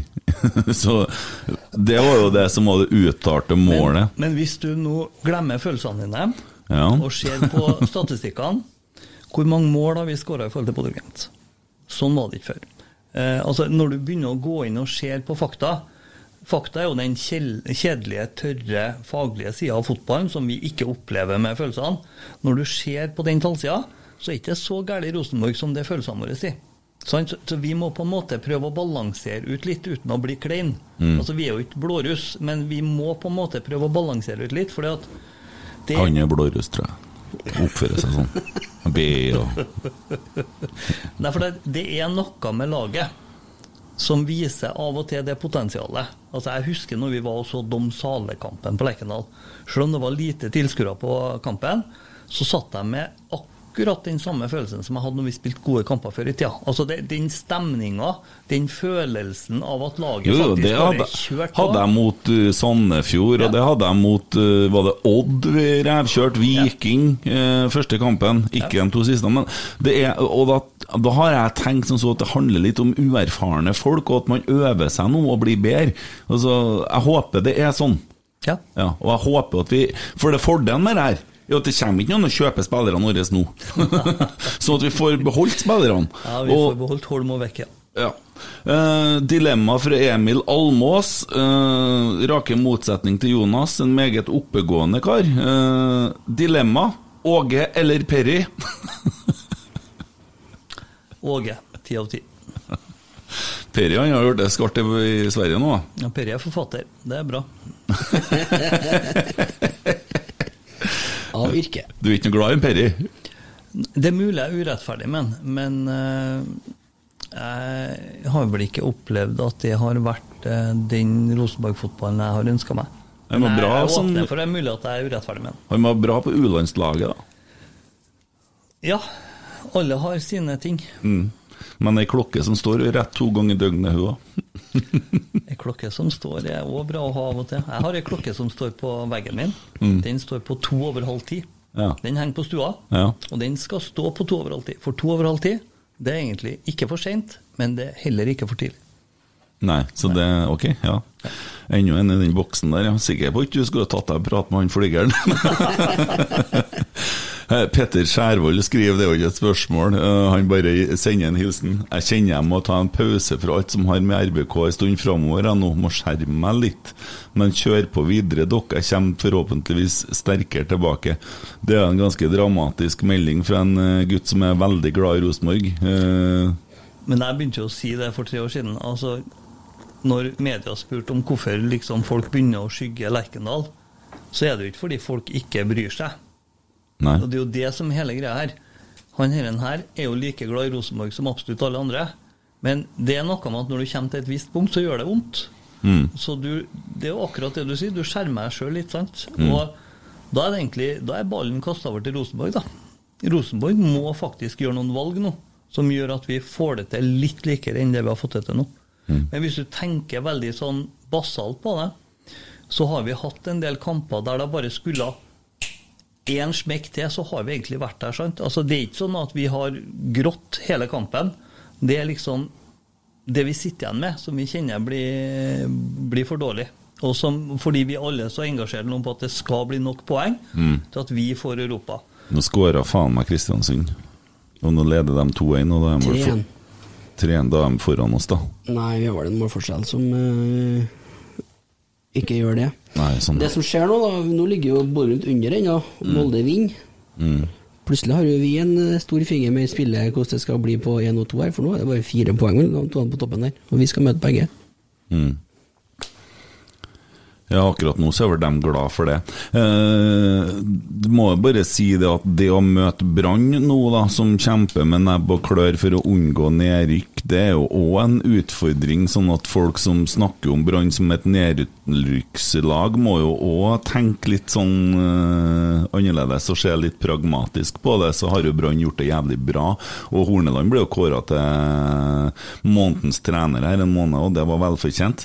Så, sånn at det ikke det, det var ikke noe walkover det vi reiste i går. Og så klarer vi da Vi har jo plutselig opplevd at folk ikke har vært skada. Det er ikke så lenge siden medlemsmøtet. Vi satt og jubla over lite skader. Og det gjorde de jo noe med sjøl. De tok ut hverandre på trening. En Henriksen og Siljan. Han fikk det jo etter eh, en liten stund imot Lillestrøm. Um, skal vi se her, da. Uh, lese litt mer. Jeg vet ikke om det er spørsmål. Jeg, har- jeg har ikke forberedt meg så mye på det spørsmålet. Jeg tar det litt sånn på feelingen. Det er jo fordelen med å hete uh, Rotsekk. sekk, sekk jeg har lurt litt sånn på det der. Ja. Men jeg har skjønt det nå i løpet av denne podden så langt. Det er du som er rotsekken. Rotsekk, sekk, sekk. Ja. Det, det er ekko. Rotsekk, sekk, sekk, sekk. Jeg som er rotsekken, som er rotete, liksom. Nei, du er ikke rotete. Du, du er bare litt uh, uorganisert. På en sjarmerende måte. Ja, for det er litt poenget. Det skal være litt uformelt avslappa. Men det er hele tida 'la det flyte' er mottoet inni hodet mitt. La det flyte. Men du må legge merke til at hvis jeg holder på med noe, så klarer jeg å komme tilbake til det. Mm. Ja, det er lang trening. Det er det som er sjarmen. Det er sjarmen. Skjermen med termen. Selv om vi nå er sinte, maktesløse, triste, så er det kanskje nå laget trenger kjernen aller mest. Hva med å arrangere noe på den siste treningen før Moldekampen? 200 som synger, flagg, banner, blussing har blitt gjort før og gir forhåpentligvis litt positiv energi omtale. Det var en eh, Jon Bårdseth. Godt innspill, da. Veldig fint. Borseth er ikke gammellandsorkesteret? Ja, Jan hva- Ja, Borsets, ja. Nå skal jeg Bårdseth, han her, da. Ja. Borsets, ja, dem tror jeg vi fant vi i grøfta en gang etter spilling, vi. de hadde kjørt utfor. De ville bare sitte og drikke, for de har ringt etter folk er jeg er helt enig med. Det Mm. hadde vært veldig artig om vi fant på noe sånt, og det hadde ikke gjort noe deler. Nei, lansere en idé her før Molde- Moldekampen. Uh, stille opp på trening og støtte laget litt. Fyre litt bluss på trening. Vi har jo gjort det en par ganger før, og det er jo definitivt eh, noe vi liker. Ja. Ja, Du skjønner at jeg har den Ja, pyroeffekten på på tele- telefonen, men nå sitter jeg og bruker telefonen til noe annet. Jeg ratter mye her, jeg, vet du. Sant? Ja. Nå Var det pyrolyd, dere? Var det? Ja, ok. Ja um, Og så så Herregud. Skal vi la han ja, det, var han som gjorde det! Å, var det? Det Det var han, ja. Skal vi la han få en uh, trollehjørne nå, kanskje? Jeg tror det er på tide. Ja.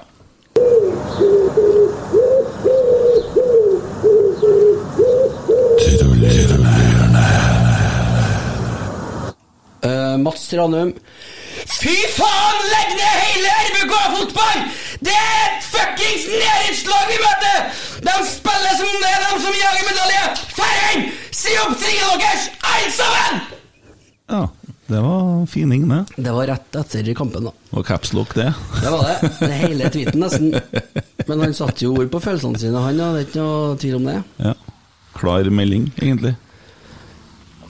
Da er vi litt innpå det du sa i stad. Hvis alle sammen sier opp, så blir det blir det Men, men jeg tror jo det er en grunn til at vi kalles supportere, Mm. og at vi altså, har følelsene som arbeidsredskap. Det er en grunn til at supportere aldri blir trenere. Mm. Det er jo rett og slett fordi at følelser er ganske morsomme verktøy, men de er lite hensiktsmessige over tid. Mm. Ja. Og er sånn at du, det, Den diskusjonen kjenner jeg vi må ta senere, for jeg er litt sånn opptatt av det der med connection mellom eh, fornuft og følelser, og vi er jo alle sammen følelsesstyrt, enten vi vil eller ikke, og du kan jo ikke tenke deg glad eller mene deg i bedre form. Nei, du kan, kan ikke. du. Så hvis du er skikkelig deprimert og har møtt veggen, så kan du tenke deg glad. Nei, men jeg kan gjøre noen valg som gjør at jeg enten blir litt gladere, eller drar meg sjøl ned i gjørma. Der, nå er Det er læreren, nå er læreren som snakker, altså. Nå er læreren.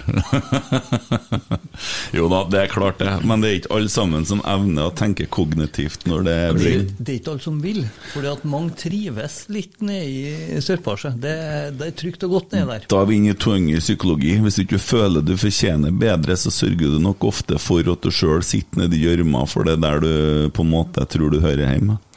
Eh, Emil Almås han eh, slår til med en ny en, og det er et, eh, den skal vi bruke litt tid på. Hva kan kjernen gjøre for å fylle Øvre Øst igjen? Det er jo tynt i rekkene noen kamper. Noen kamper er det tynt i rekkene, og jeg skulle virkelig ha ønska meg at Men du vet, det med support, det er litt som med poledancing. Nå er jeg spent. Ja, først nå, første bildet mitt var Jo Erik og Joakim i poledancing. Nei, det fins bedre kandidater i kjernen, men greia er, at, greia er at det skal litt til før du prøver. Altså, du, du finner ikke en gjennomsnittlig mann i Trøndelag som snakker trøndersk, som seriøst kan si til noen at han syns poledancing ser litt interessant ut, og han kunne tenkt seg godt å prøvd. Mm. Eh, og da er det noe med settinga som gjør at poledancing blir litt distansert. Og nå, nå er ikke jeg noen reklamefigur for poledancing, men det er et bilde. Det å dra opp på Øvre Øst og stå og synge sammen med kjernen, er tror jeg like vanskelig som å begynne på poledancing. Ja, fordi at det er dritskummelt å gå opp på kjernen hvis Ja. du ikke har vært der før. Og, og der er det mange skumle folk som nesten kikker, sitter og kikker litt olmt på deg når du kommer opp på Mm. puben der. Og når du kommer opp på tribunen, så, så, så blir du nesten? Nei, nei. Men du blir, du er, for hvis du ikke har gjort det før, så er det skummelt, for det er ukjent, sant? og du kan ikke sangene, og det er mye sånn. Hva kan man gjøre der? Eh, man kan eh, ringe en venn. Man kan eh, snakke med en av dem man kjenner, som henger sammen med noen som henger sammen med noen som henger sammen med noen som henger sammen med noen. Eh, og bygge ned litt på det. Altså, jeg tror en, Hva kan vi gjøre for å få folk? Jo, vi må begynne å ta tak i folk. Mm. Vi må begynne å ringe. Jeg må ringe til tre kompiser som jeg sier nå skal du på kamp. Eh, nei, øh, nei, slutt å tulle. Du skal på kamp. Hvis vi skal gjøre det her neste uke, skal du på kamp. Ferdig snakka. Mm. Vi må òg gjøre et sånn aktivt, engasjert valg for å få flere til å komme. Mm. Uh, jeg ønsker meg jo i tillegg folk som kan å bruke stemmen sin. Mm. Du vil ha mannfolk i denne kategorien som jeg stiller i? Ja, som mannfolk i, som ikke har eh, Altså som gjerne har vært gjennom stemmeskiftet, men Mm. som har den krafta da i stemmen, er ofte de stemmene som er de beste Ja. eh, til å høres. Ja, men også er, er det et problem da, Espen, når at, når at eh, sånn som Jo Erik har vært der, jeg snakker litt med kjernefolk og to, Men vi vil veldig gjerne ha flere kvinner inn på Øvre Øst. Of course. Men når dere snakker, og dem som jeg nevnte snakker, så er det sånn Ja, husker inn ja, det er, så, er det sånn internt og litt sånn internt ditten og datten og sånn. Er det litt trangt å komme inn i det? Eller så er grupperinger som ingen skjønner noe av, og sånn, og så Går det an å lage en enklere tilnærming for folk som er nysgjerrig på kjernen? Går det an å finne en måte å gjøre døra litt bredere på? Ja, jeg tror vi er nødt til å gjøre det. Ja. Eh, vi er nødt til å For noen år siden så hadde jeg et sånt seminar på Scandic med Kjernen, der vi skulle prøve å sortere ut eh, Altså, Kjernen har jo en uttalt ambisjon om å bli den beste supporterklubben i Skandinavia. Det er på en måte ambisjonen. Men så er det jo litt sånn at hva gjør vi for å bli det? Jo, vi tar kamp for kamp. Og sjansen for å bli den beste supporterklubben i Skandinavia når vi tar litt kamp for kamp, den er mindre enn hvis vi setter oss noen tydelige mål, lage oss noen delmål altså, og engasjere oss i et arbeid for å bli den beste supportklubben i Skandinavia. Mm. Så i høst eller i tidlig vinter så skal vi ha en ny runde med et sånn seminar. Jeg er jo glad i sånne ting. sant? Jeg kommer jo fra skole, så jeg liker jo å ha seminar der vi på en måte legger ting på bordet, og vi kan snakke sammen rundt bordet, og vi kan dele oss inn i grupper og komme med konkrete ting, Mm. og forplikte oss litt på det. Så er ikke alle som er like ivrige på det. Men vi er faktisk nødt til å, til å tråkke gjennom litt der og bli litt uh, mer frampå. For det trenger vi. Og en av de tingene vi må snakke om, det er selv om vi later som om det ikke er vanskelig, så er det vanskelig å komme seg inn på Øvre Øst. For det er en form for lukka kultur. Eh, nei, nei, nei, det er jo bare å komme. Det er bare å komme overalt, men det er ikke like lett på alle plassene. Og Øvre Øst er en litt sånn altså Det blir en litt sånn, og det skal det jo være òg. Mm. Det skal jo være en form for supporterkultur. Men jeg må bare For all del, jeg, jeg har jo vært og spilt f.eks. på mye MC-treff. Første gangen jeg gjorde det, så var det dritskummelt. Uh, tok jo ikke så lang tid før jeg var skjønte at det er jo ikke det er jo som ellers i verden. Og det er jo kjernen nå. Det er jo ikke skummelt i det hele tatt. Men jeg tror, og, det, det, og det, det er jo det jeg mener, men jeg skjønner at noen kan oppleve det som det. Eller vanskelig, eller altså Det ukjente er jo det.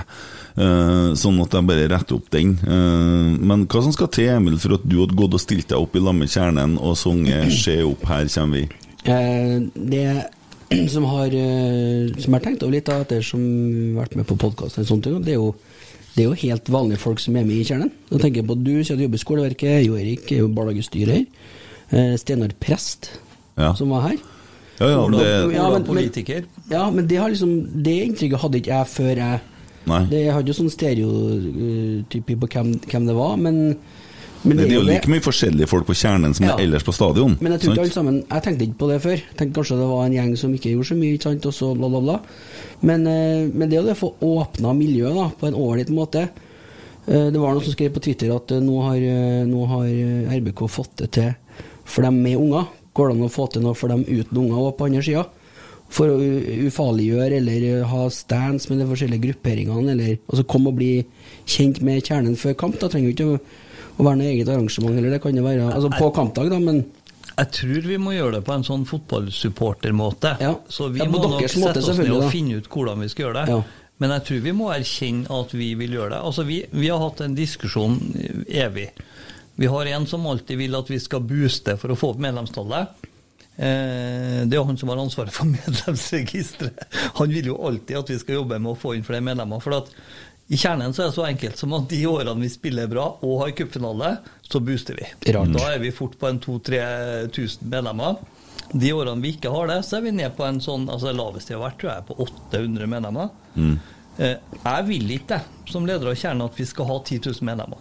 For vi er ikke 10 000 medlemmer. Jeg vil at dem som er medlem i Kjernen, skal være det. De skal ha gjort et aktivt valg og gjøre det fordi de vil være med på noe. Mm. Jeg syns ikke vi skal bli sånn AUF eller Unge Høyre. altså sånn å ha liksom 40 000 medlemmer Nei, ha sånn- et sånn kreddetall. Vi Mm. vi skal være på en måte en, en gjeng som gjør noe felles, da. Og noe av det fine og det vakre jeg syns, det er jo at du har Der jeg står, så står jo jeg alltid sammen med Ola, som er politiker i MDG. Mm. Og så står jo Steinar eh, prest.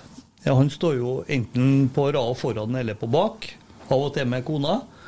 Og så har du en sånn herlig, salig blanding av folk som egentlig ikke er enige om så veldig mye. Men akkurat når vi står der og kampen blir blest i gang, så er vi helt enige om å heie på laget. Mm. Og det gjør vi to ganger 540. Og så diskuterer vi kampen på tur ut, og så gjør vi, er vi oss sjøl igjen. Altså Det fellesskapet handler egentlig kun om å heie på laget. Du kan være Vi har jo i vedtekten at du kan ikke være homofob. Du kan ikke være uttalt nazist. Mm. Og du kan ikke være en politisk aktivist som skal bruke arenaen til dine egne greier. Det, det funker ikke. Men du kan være altså, hvem du vil. Altså RV-ere står og jubler sammen med Frp-ere, og det er ikke noe problem. Mm. De som er mot uh, boksing, står og jubler sammen med dem som er for boksing. Det er ikke noe problem, for du heier på laget. Mm. Og det er på en måte litt av det kule, syns jeg. Ja. Jeg, jeg fortell, kunne jo godt fortelle det, for jeg har jo en reise inn i kjernen. Jeg tror var det i 2009 man begynte å stå på Øvre Øst. Ja. Da var jeg der fra første kampen, faktisk, og stilte meg litt ut i sida. Og hadde vært inn på YouTube og sett litt på disse sangene. Og måtte jo, for det, det skal jo lære seg Du skal jo lære deg det der, da. Uh, og hang mer og mer med. Så for hver kamp Da får jeg likt å stå her. Jeg likte gjengen, og nå spilte jeg jo oppå der noen ganger òg, så det ble jo veldig kort vei til kjernen, for å si det sånn. Men eh, så kom jeg meg mer og mer lenger inn og bidro, for at jeg følte at jeg ble tryggere på de sangene, og da kunne jeg være en sånn en som var med og sang høyt. Mm. Og snu meg litt og få med flere på å synge, for det, det er jo ikke de, de som står ytterst, de som synger minst. Sant? Men det, det er helt greit å gå og stille seg ytterst der og prøve å henge med på litt, og, og så Og finne ut om det igjen, da. ja, for dere var en tid hvor man regulerte ned antall tilskuere oppå der òg, fordi at betongen gynga for mye. sant? Ja, det var kraftige saker oppå her, altså. Ja, det har jeg sett, og tenkt på mange ganger. Ja, den betongen bevega seg faen meg mye, du ble litt sånn bekymra. Men den skal gjøre det. Ja, Jeg jo, Jeg snakka med han eh, forskeren fra Sintef som var og målte, og han sa det at på Pippi-sangen på, på, Når vi traff en spesiell frekvens på den hoppinga, Mm. så fikk jeg en ganske store utslag på Men altså, det er jo ikke så mye. Det, det er jo snakk om noen få centimeter. Mm. Og det skal være svikt i betong. Mm. Altså Dem som tror det ikke skal være svikt i betong. Og Hadde det ikke vært svikt i betong, så hadde ting gått i stykker. Ja, da har, han, eh, da har det vært et problem, ja. Nei, det, akkurat det kjenner jeg til. Men eh, det, det var faen meg nesten litt sånn småskummelt når du står her første gangen. For det, det er som å kjøre på brua over til Rørvik når det er vind, altså. Det er ubehagelig. Men det er jo et godt tips da til dem som, eh, som er nysgjerrig på kjernen. Det er jo å stille seg ytterst og så nærme seg inn. Uh, Og, og det, det som er greia, det er jo at alle som står oppå der, vil at det skal komme flere. Mm. Sant? Eh, Men det er ikke det inntrykket man får når man kommer dit. Og det er litt som å komme til en litt sær by. Du Mm. må på en måte bare gå inn døra og være der, og når du har vært der en liten stund, så blir det annerledes. Mm. Det, sånn er det i et sånn supportermiljø som dette her. Det høres veldig sært ut, men det er jo ikke så sært. Men det er et fotballsupportermiljø. Mm. For vi har jo en hard kjerne i midten, og det er, jo, det er jo dem som på en måte står litt for verdiene, som bruker mye tid på hva, er, hva betyr det å være fotballsupporter, ikke sant? Som kan gå i bresjen når Qatar-spørsmålet kommer ut, ja. og være veldig prinsipiell på hva som er rett og hva som er feil. Og som sier det f.eks. at vi står ikke og synger vi med 200 stykker på Øverøst, for det er ikke sånn det er. Vi er ikke ei underholdningsgruppe som TV kan bruke til å lage gode bilder. Vi skal, enten så skal vi støtte laget, eller så skal vi ikke gjøre det. Så vi har jo òg en del sånne eh, altså sånne gode verdier. F.eks. når det kommer penger til oss fra NFF, så går de pengene rett til barneavdelinga på St. Olav. For Mm. vi liker ikke NFF, og da tar vi ikke imot penger fra NFF for å gjøre noe som helst. Ja, det er noe dere har begynt med nå, da, for det ble blest en del i Vatikanet og sånn for noen år siden, tror jeg. Men det var Det tror jeg er en helt annen historie. Det tror jeg var en privatgreie fra en kjeltring som svindla ganske mange millioner fra Tjern. Ja, og vært vært litt innom den.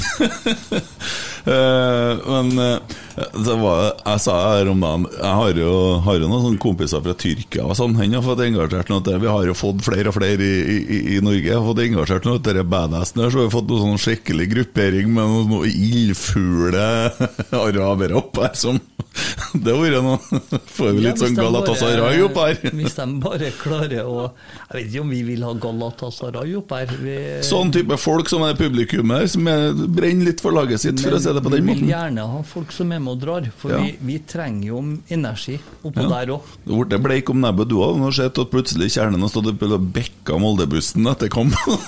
Stått og- det var artig, ja. Det har vært kos. Ja, nei da. eh, Men eh, vi snakka om, eh, om Hva du skal nå? Hva var Nytt tema. Nei, jeg, jeg er ikke ferdig. Nei, kjør. For vi, vi, vi satt jo og snakka etter medlemsmøtet, og da var vi inne på Hei, Hey, I'm Ryan Reynolds. At Mint Mobile, we like to do the opposite of what Big Wireless does. They charge you a lot, we charge you a little. So naturally, when they announced they'd be raising their prices due to inflation, we decided to deflate our prices due to not hating you. That's right. We're cutting the price of Mint Unlimited from $30 a month to just $15 a month. Give it a try at mintmobile.com slash switch. $45 upfront for three months plus taxes and fees. Promo rate for new customers for limited time. Unlimited more than 40 gigabytes per month. Slows. Full terms at mintmobile.com. I'm Sandra, and I'm just the professional your small business was looking for. But you didn't hire me because you didn't use LinkedIn jobs. LinkedIn has professionals you can't find anywhere else, including those who aren't actively looking for a new job but might be open to the perfect role, like me. In a given month, over 70% of LinkedIn users don't visit other leading job sites. So if you're not looking on LinkedIn, you'll miss out on great candidates like Sandra. Start hiring professionals like a professional. Post your free job on linkedin.com/spoken slash spoken today. Hey Dave. Yeah, Randy. Since we founded Bombus, we've always said our socks, underwear, and t-shirts are super soft. Any new ideas? Maybe sublimely soft. Or disgustingly cozy? Wait, what? I got it. Bombus. Absurdly comfortable essentials for yourself And for those facing homelessness. because one purchased equals one donated. Wow, did we just write an ad? Yes. Bombas. Big comfort for everyone. Go to bombas.com slash ACAST and use code ACAST for 20% off your first purchase. Uh, en annen type kjerne nå. Det var jo skjedd en gang. Småtiser, ja. ja. Hva det het Hva hva, det? Minikjernen? Nei. Ja, eh, Vålerenga laga jo noe de kalte miniklan. Altså, veldig mange supporter, nei, veldig mange fotballklubber har jo hatt sånne minigrupperinger med unge supportere.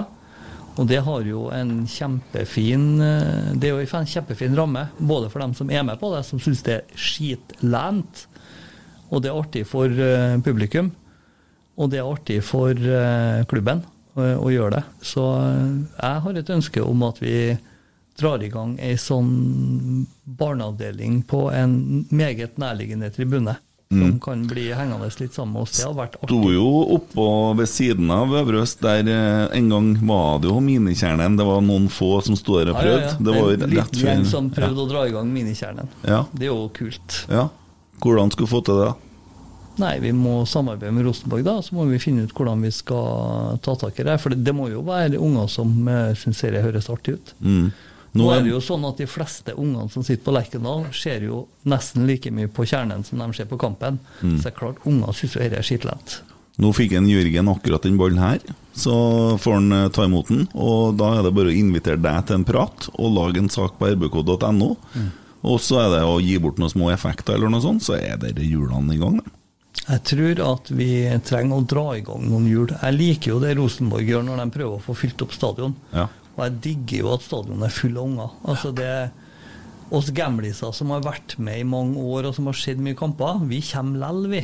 Sant? Hvis det ikke er helt katastrofe.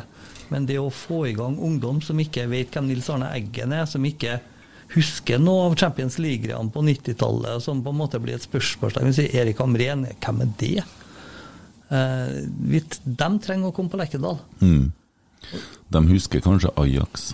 Nei, Jeg, syns det er litt sånn, eh, dessverre, da, men det er litt sånn eh, Han Brungot, han komikeren, han har jo laga en eh, artig greie som heter 'Tolvte mann'. Og han hadde en litt treg start, men så dro han i gang med de her Rolex-klokkene til den her angrepstrioen til Vålerenga. En vanvittig bra video som han laga med den. Og etter det så syns jeg han har bare tatt nye høyder. Men den Rosenborg-supporteren som han har med, han kunne hett Joffa. Han snakker bare om det som var før. Det er ikke så bra, det. For vi er faktisk nødt til å slutte å fortelle eh, de spillerne og de folkene som her nå, hvordan det var. Vi er nødt til å begynne å støtte opp dem i det de prøver å få til. For vi kommer ikke til å komme tilbake til 1996. Men vi kan komme til et lignende tidspunkt med dem vi er sammen med nå, hvis vi klarer å backe dem på en ålreit måte. Og der bomma Gauseth på straffe mot Viking. Faen også. Gauseth! Der hadde vi muligheten, vet du. Jeg var, unnskyld at jeg avbrøt deg. Uh, ja, nei, jeg er enig i det. jo, men jeg datt ut litt i randet da, når at, øh, når at øh, Og nå skal vi se hvem som skårer der, da. Bodø-Glimt. Der satt den, ja. 1-1. Er du overraska? Nei, jeg er ikke det. Uh, men det var synd ja, jeg synd at ikke uh, Mjøndalen satt den straffen, da, for der, uh, det er jo en kamp som er viktigere for oss, egentlig. Ja, Viking eh, Jeg sitter jo i NSA-styret sammen med lederen av Vikingkordene. Mm. Og vi møttes jo for helga som var nå. Og han eh, prøvde seg to ganger med noen kommentarer, men da beita av en så kvast at han var stille resten av helga om akkurat det der. For en eksempel? Eh, nei, det tror jeg vi må stå over. Jo. Men eh, nei, for at greia at når du skal snakke om ting som du skal jobbe med for framtida, så kan ikke du drive og gnage på sånne ting som eh, åpner den der boksen som jeg snakka om. Nei, nei, nei. For når du åpner boksen, Så triller jeg rundt, sant, og da blir det mye styr. Ja. Det er ikke noe godt. Nei, De vant jo tross alt seriegull i 1991, de, altså, de har mye å slå i bordet med. Der er vi på Brungot igjen. Han har en herlig greie med den vikingsupporteren som skal ligge midt på tabellen og ha sånn middels gode prestasjoner. Sjokkeren var visste ikke hva du skulle gjøre av seg nå! Det var helt forferdelig! Burde da melde seg ut, Men, han. men den Rosenborg-supporteren Han er nok betimelig for hvordan vi oppfører oss. Og det, jeg Ja. tror ikke vi Vi er ikke supportere for et lag som skal lykkes. Vi er supportere for et lag som har lyktes. Mm. Og det er ikke så bra. Nei. Du, eh, eh, VAR. Sitter ikke du i noen gruppe der òg? Jo. Jeg sitter i den arbeidsgruppa som er satt ned for å innføre VAR. Ja. Så jeg skal til Sveits i slutten av november sammen med NEP og TV 2 og NFF og dommere eh, og se på to kamper. Og se hvordan VAR blir brukt. Jeg må bare få si det først. Jeg er mot VAR. Jeg syns at fotball er fotball, og jeg elsker å krangle og diskutere om det var offside eller om det var mål. Og jeg tåler glatt at den ene kampen så får du annullert et mål, i den andre kampen så får de andre ikke det straffesparket de skulle hatt. Det lever jeg veldig godt med. Mm. Det har vi hatt i 48 år. Det skulle jeg ønske vi kunne fortsatt med. Jeg vil ikke ha VAR.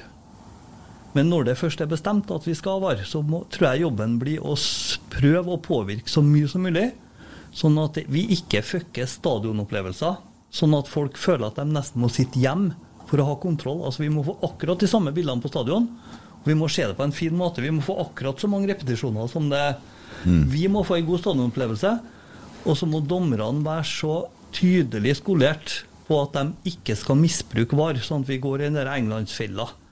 At vi st- støkker opp kampen hele tida og ødelegge alt som heter flyt. For, for hvor, hvor stort Jeg tenker jo at VAR er VAR, men hvor stort spillerom kan dere ha til å påvirke hvordan VAR skal brukes i Norge?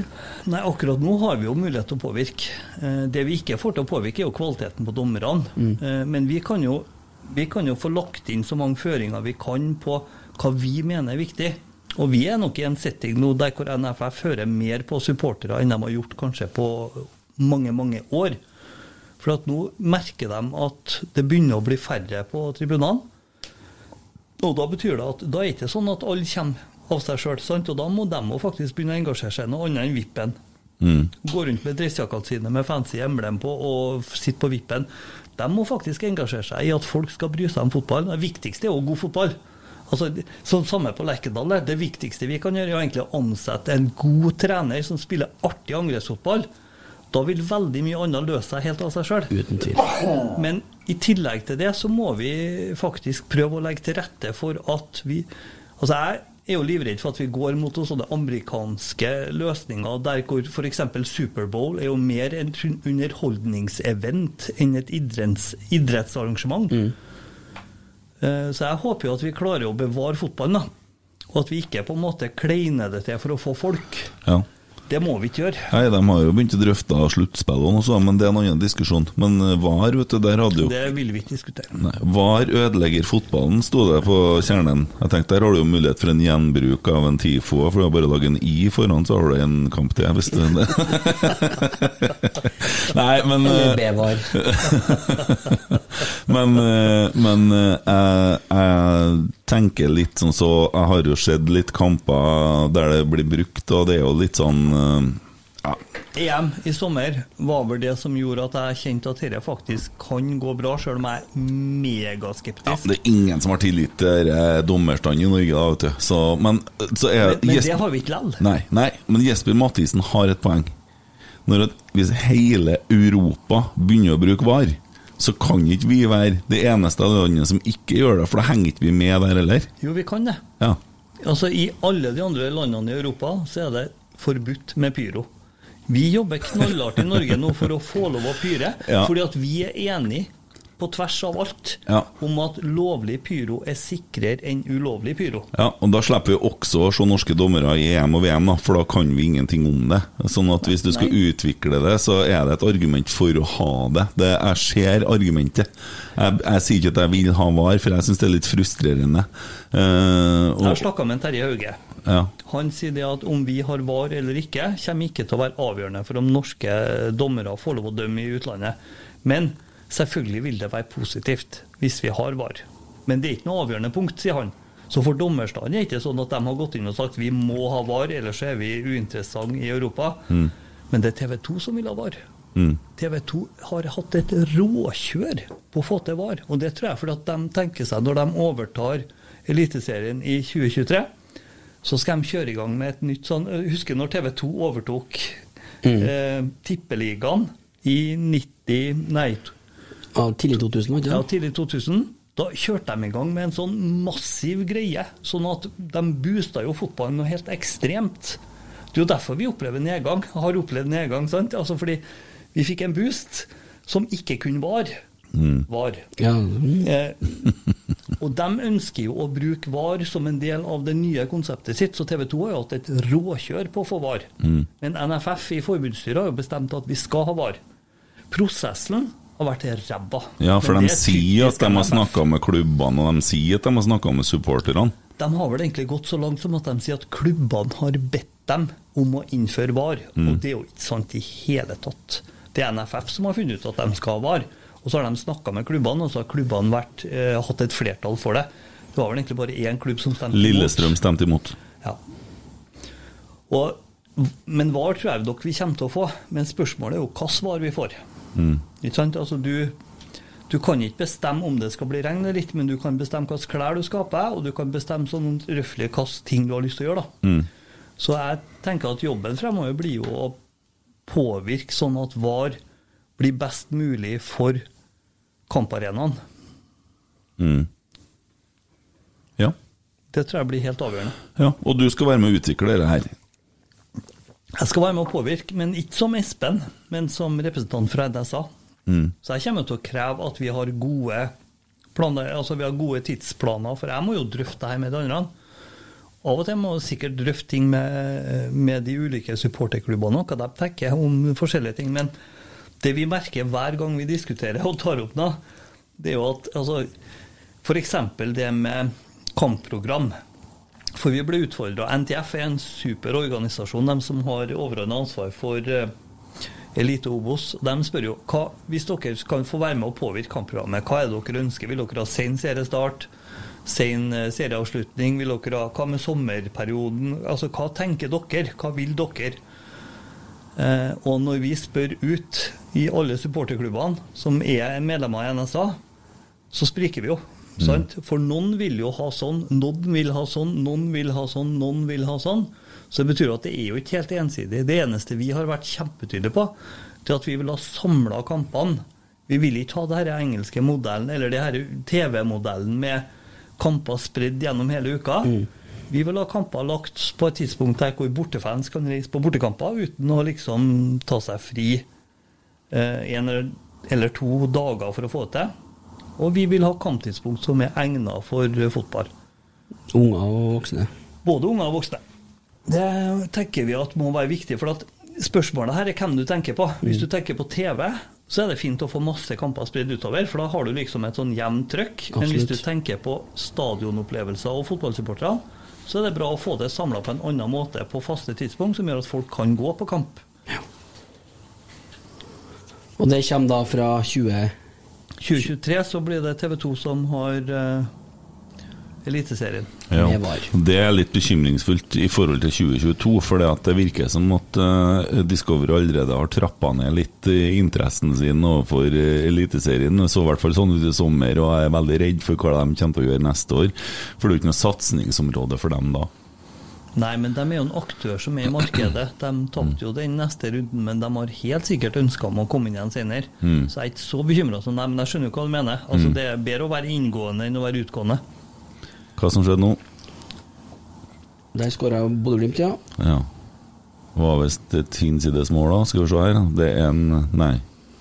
Vetlesen igjen, et langskudd, ja. Og der vinner de, og så nesten eh, kampen er det er tre minutter igjen. Men du vet, Bodø-Glimt er et lag som sjelden drar fra bortekamper uten poeng. Ja. Det er bare vi som driver med det. Eller tar med oss ett poeng da fra Haugesund og ett fra Brann. Skummelt på Vestlandet. Vi er inne i en gavmild periode. Ja, vi er det. Vi Men vi gir bort to poeng, da. Vi gir ikke bort tre. Og det tenker jo jeg er positivt midt oppi all ulykka. ett. Vi gir bort ett. Ja, vi gir bort to fra oss sjøl. Ja, fra fra oss. oss. Ja, ja, sånn, ja. Ja, ja, ja. Nei, men det er jo øh, hyggelig med Brann i Eliteserien neste år, da. Så, og det mener jeg jo. Det, de, de skal jo være i Eliteserien, de skal ikke være i Obos. Så der har du følelser, men ikke Ja. nordover til Bodø. Nei, men jeg har følelser for norsk fotball. Jeg har følelser for eh, publikumstall og interessen. Og jeg vil ha, jeg vil ha masse bortesupportere på stadionet vårt òg. Jeg likte at eh, Lillestrøm stilte med det de gjorde. Jeg likte at Vålerenga gjorde det. Jeg syns det er bra. Ja. Eh, for jeg ser jo, ser jo det samme som alle andre. At eh, gjennomsnittstilskueren på Lerkendal Han er på sånn som oss tre som sitter her. Eh, og at eh, vi trenger å foryngre litt eh, publikum, og at det er en jobb som må gjøres for engasjementet. Og derav minekjernen som vi snakker om, og den jobben som Jørgen de har gjort det siste med å få familier på Lerkendal og sånn, den syns jeg er veldig bra. Og jeg liker jobben som fotballklubben gjør på Nils Arnes plass. Eh, og alt det engasjementet som er, og det er jo en grunn til at vi holder på med det her òg. Det er jo ikke for at vi skal, selv om vi har blitt beskyldt for det fra noen, verken å være First, first House Pod eller at vi har noen intensjoner om å bli, eh, bli oppdaga eller kjent til å være her. Det, det klarer jeg utmerket godt med gitaren og andre ting jeg holder på med, for å si det sånn. Ja, Ja, for du er han derre Kent Aune som drar og raser rundt og spiller på gitar, du, sant? Mm. Ja. Det er jo du. Og eh, det er der er det- Hurlba-Kent, som jeg hører dem kalle det. Ja, det gjør de det. det er ikke noe poeng å bli kjent lenger der heller, for jeg har et greit nok bunnivå og klarer meg godt. Så det, jeg ser på meg sjøl som breddemusiker. Det var noe med Men eh, engasjementet for norsk fotball Det er stort, og sånn sett så ser jeg som en klar fordel at eh, heller Brann enn Jerv Ja, Jerv er vel for så vidt en liten eh, Det ligger i Grimstad, ikke det? Det er jo en liten by, så sånn sett så har det vært interessant, Men men vi trenger de største byene i Norge. Vi Må ha det. fotballag i toppen. Men det fører oss inn på diskusjonen som vi ikke skulle diskutere, ikke da? Hva da? Nei, skulle oppsettet sett annerledes ut? Da i forhold til Antall lag, mener du? Ja, og sluttspill videre. Jeg har bare sett artikler om det siste, jeg er ikke noe full mot deg, altså, men det er noe Jeg tror det er dumt å endre seriesystemet i Norge. Det, er, vet, det er litt flyt i NFF nå på dette med sluttspill, for damene har jo sluttspill. Ja. Og jeg tror NFF har en ambisjon om å bli første land i Europa til å bruke VAR på damer. Ja. Så de ser for seg å ha VAR i sluttspillet på toppserien. Og da, er jo herre med, da blir jo dette med sluttspill en greie som kommer opp. Mm. Eh, og her, altså Sluttspill er jo alltid i en form for diskusjon. Eh, for det er jo én modell for å spille, og noen tror jo sluttspillmodellen er den beste modellen for fotball. De, de tror det på ramme alvor, for at da får du flere kamper med jevne lag som er på en måte på samme De tror det. Og da er de litt historieløse. Altså Hvis du ser på cupen i Norge, hva som er greia med cupen, og hvorfor cupen har overlevd hele veien, så er det fordi at den er tufta på at alle har en mulighet til å være med omtrent. Mm. Og så blir det skala bort etter hvert. Og så står det igjen med to lag som skal møtes på Ullevål. Det er en sånn, det er en sånn fair cupmodell. Mm. Og så har du det motsatte, det er serien. Der spiller du over 30 runder, sånn som vi har rigga det nå.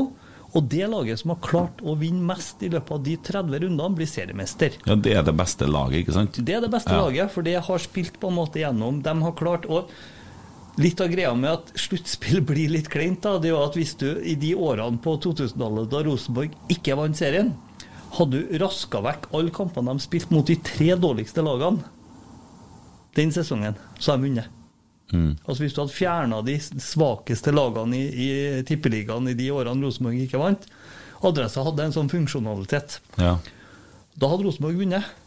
Så greia er at det er ofte verre å spille mot svake lag. Mye vanskeligere å motivere seg for å spille ditt beste når du Altså Det er jo som du, det, når du drar ut og spiller, sant? Står Mm. det 30 kall foran deg. Mm. Hvordan skal du gidde å ta på deg godfoten og bli en kul kar? Men står det 400 gærninger og kauker og brøler, så blir det god stemning. Mm. Ellers spiller mot Brann. Ja, og så er det noe med Molde Haugesund skåra 2-2. Ja, Haugesund skårer mot Bodø, ja. Uh, men den er ikke jeg så opptatt av. Jeg er veldig mye mer opptatt av Viking. Og Apropos Bodø. Viking får straffe faen meg nå! To minutter på overtid. Sjølsagt. Var det straffe? Tror det. Han jubler nå. Svarte, altså. To minutter på overtid, så får Viking straffe. Der homser de litt og koser seg. Nei, det var feil å si det nå. Men du, når du nå blir så gira og går ned i den feile følelsen igjen nå Ikke vær så teknisk med meg. eh, Hvis du, du tenker på det du sa om Bodø-Glimt Det er ikke hens, vet du. Det er Uflaks, bare. Det var ikke hands, det var uflaks. Han bare ramla. Ja. Men de er ikke sikre der. Skulle hatt var her, vet du. For en podkast! Ja. Men det morsomme er jo det at etter forrige serierunde, når Vålerenga hadde den derre Det, det var det hens! Noen mener det, noen mener ikke. Det kan vi diskutere. Og dommeren dømmer, og dommeren er jo allmektig. som vi Dommeren. For en podkast, hva du mener Ja. Du sa jo det at du mente at Bodø-Glimt ikke skulle få alle de her millionene. Mm.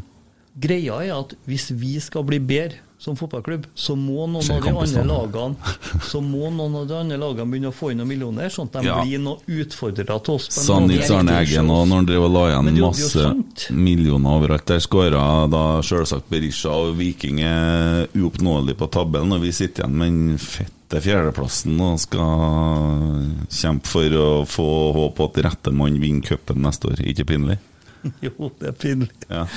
Og det er så teit. For en forbanna hands på en kamp som Mjøndalen har hatt straffe og brent. Dritopplegg, forbanna. Ødela han Gauseth helga mi. Jeg skal sende en melding etterpå. Uh, men uh, ja, jo, jo, jeg vil, de må gjerne få de millionene, og jeg skjønner det du sier. Jeg forstår Vi det. Vi trenger at andre blir bedre, sånn at vi gjør dem rundt oss bedre. hvis, Så vi får hvis du tror at gjengen på brakka blir så god som de kan, uavhengig av hva som skjer rundt, da er hun naiv. For greia er at vi trenger andre til å pushe oss hvis vi skal bli gode. Men skal du overtale meg til å like at Bodø gjør det bra i Europa nå? Nei, jeg skal bare forklare deg hvorfor du burde gjøre det. Nei, jeg burde ikke gjøre det. For at jeg burde ikke unne mine motstandere noen ting som helst, for jeg greier ikke det. Og sånn er det å være meg som supporter. du kjenner det postulatet at før du sjøl kan lykkes, så må du unne andre å lykkes. Mhm. Så du er glad for at Viking skåra nå? Nei. Nei. De får jo mer penger enn oss, må være glad for det. Når, når man kverulerer på gode postulat, så klarer man alltid så inn et eller annet sted ute i Viota. Vet du. Det er litt som å lese kart. Ja, det kan være gode kart, men du kan dra havne på Bertul likevel. Begynner å dra eggen imot meg her nå. Ja, jeg får nå i hvert fall ikke noe First House Pod-stempel i dag, da. Det er noe sikkert. Men uh, ja, hvor var vi? Uh, jeg blir litt irritert på det vikingmålet der. Men greit. Vi har snakka litt om Øvre Øst. Jon Tore Krokstad. Det er jo mye Gamle tursjefen. ja, jeg ser jo opp til han. Jeg er jo helt enig med han. Jeg ser jo heller Rosenborg 2 tape 12-0 enn å se Olympiakos Real Madrid eller eh, PSG, eller hva de heter, araberne. Mm. Har han tillit til styret i Rosenborg? Nei. Har han igjen noe tro på akademiet? Tja. Hvem tror han blir trener, det har vi hørt. Det tror du blir KK. Det er jeg ganske så solid forankra i at blir enten Kjetil, eller så blir det en utlending jeg ikke vet navnet på ennå, som er av det samme kaliberet. For jeg tror at Jeg tror at et styre som kunne finne på å overtale Horneland til å ta på seg jobben, de gjorde en dårlig jobb for Rosenborg. Et styre som sparka Kåre og Erik på det tidspunktet de sparka dem, gjorde en dårlig jobb for Rosenborg. Men et styre som har analysert hvordan neste trener skal være, som har tatt inn en Åge Hareide for å rydde litt. Dessverre ikke på fotballbanen i så stor grad som vi hadde ønska oss, men for å på en måte få ramma det inn litt bedre. Det tror jeg er bra. Og når de i tillegg har på en måte satt ned en kjøreplan for hvordan skal den neste treneren se ut, da tror jeg de har laga seg forutsetninger for å gjøre det. Så er litt av utfordringa at jeg tror ikke at Selv om Rosenborg er et kjent navn, så tror ikke jeg det er sånn at verden oversvømmes av gode fotballtrenere med verdier, med hjerte, med engasjement, entusiasme og det enorme overskuddet du må ha. Jeg tror ikke verden flommer over av akkurat de folkene som vil komme til Trondheim. Mm. Så jeg tenker jo at eh, akademiet bør i tillegg til å utdanne noen av neste års Rosenborg-spillere, så bør de òg være et trenerakademi. Mm. Men da må vi først få på plass en trener som kan si noe om hvordan vi skal gjøre det, for det har vi ikke per i dag. Nei. Uh, bare en digresjon. Robby Bajasso er en dude som jeg har krangla mye med på Twitter. Vet du hvem han er? Nei. Han eh, har vi brukt mye trollhjørne. Han har bilde av deg på Twitteren sin. Bare så du vet det. Men tilbake til tillit til styret. Nei, sa du. Mm. Hvorfor ikke? Nei, jeg syns de har gjort så mye gærent at jeg Altså, det Jeg er en enkeltmann, så det vil si at når Åge Hareide er trener, så heier jeg på en Åge når vi spiller kamp. Mm. Og så sutrer jeg over de tingene jeg kjenner jeg må sutre på, og så prøver jeg å få snakka med han om de andre tingene for å få sjekka ut om det stemmer. Og så leser ikke jeg så mye aviser, for de skriver nå det de skriver. Mons Ivar Milde hadde den genialeste kommentaren jeg hørte. Han var spiss på Brann. Og så hadde han eh, spilt en kamp, og så ble han spurt av kommentatoren ja, hva tenker du, Mons Ivar, leser du, leser du statistikkene vi har skrevet om deg? Sier nei, siden jeg har vært fotballspiller i mange år, jeg vet hvordan jeg har gjort det. Jeg trenger ikke å lese hva du finner på. Altså Han vet hvordan han har gjort det, og litt sånn er det hos oss òg. Vi vet jo egentlig hva ståa er. Mm. Men vi må på en måte slutte å være så opptatt av alt det styret rundt. Altså Adresseavisa, f.eks. Det er jo det største styret vi har i Trøndelag.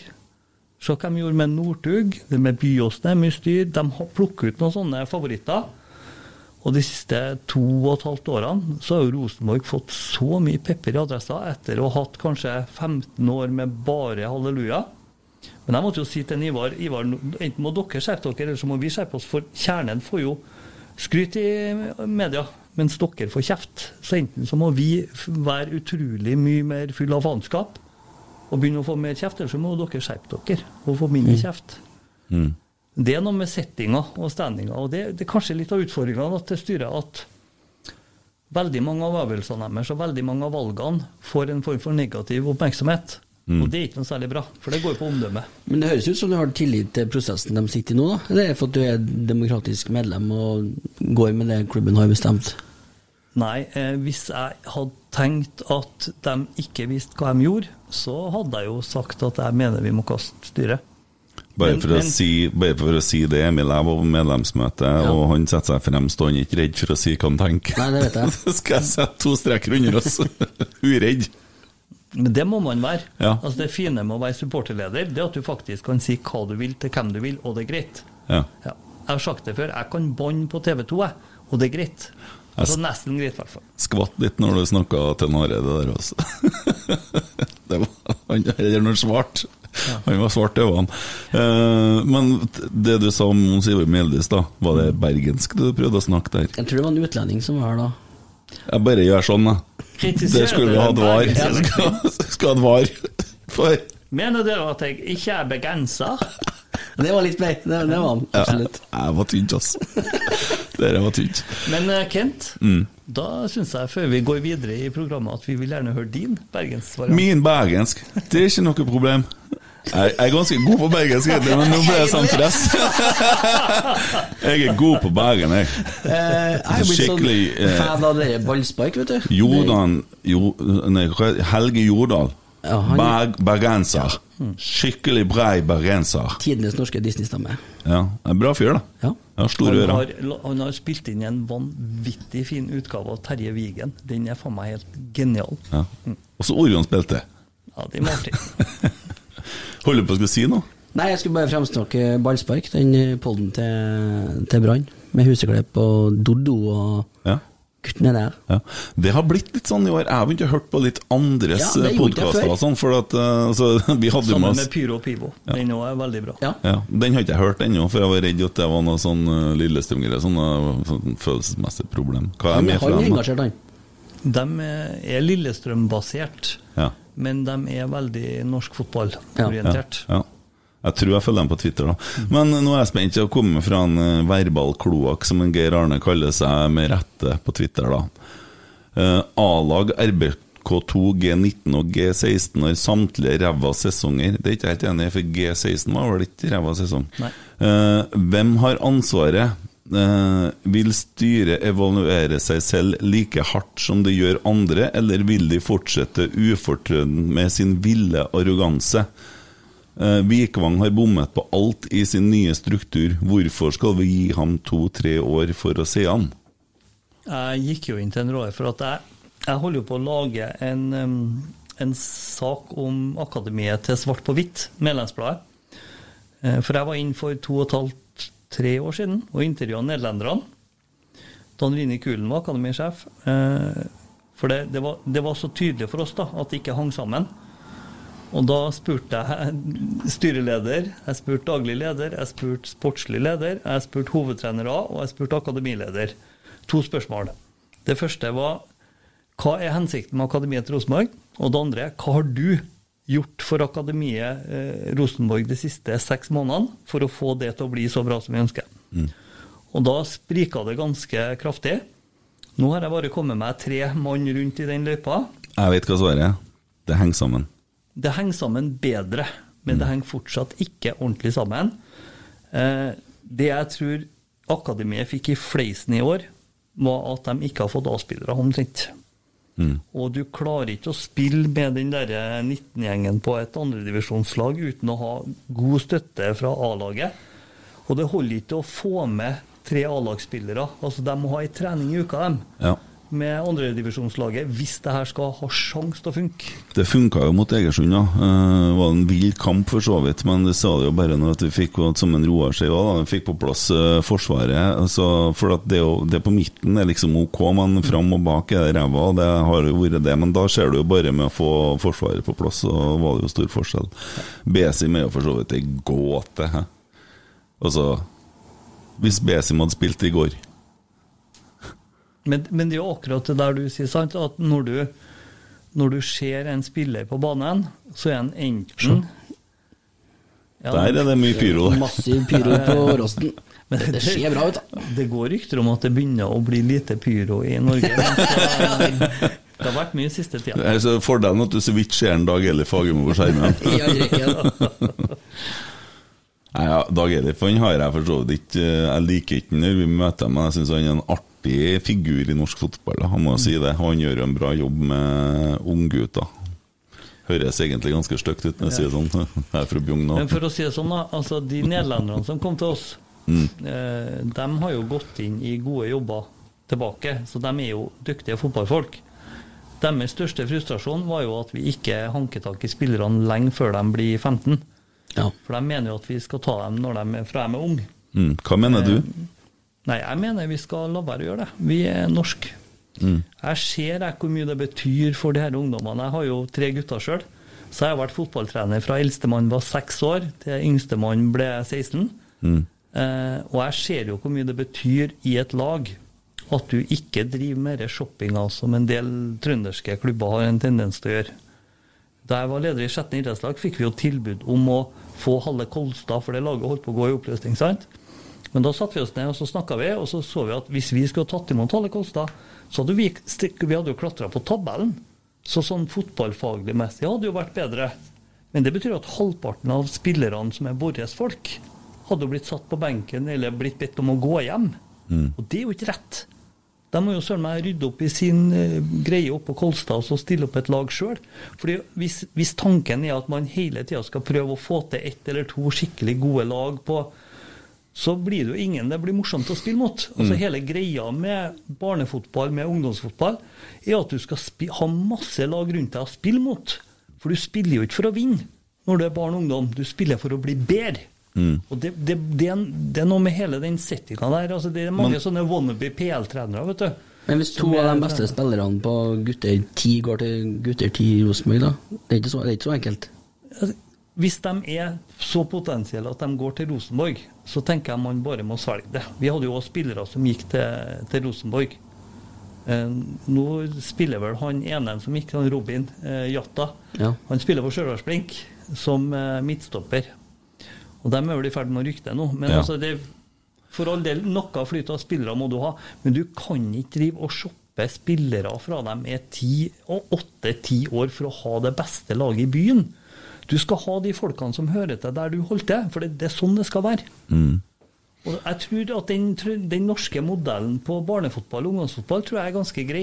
Så jeg tror vi rett og slett må holde fingeren litt rolig. Men det å gjøre sånn som Molde Jeg hater jo å si det, men jeg syns jo Molde og Stabæk har noen akademigreier som er hakket bedre enn oss. Stabæk, fordi de gir unge spillere muligheter. Det er jo fordi de har så dårlig råd at de er nødt. Mm.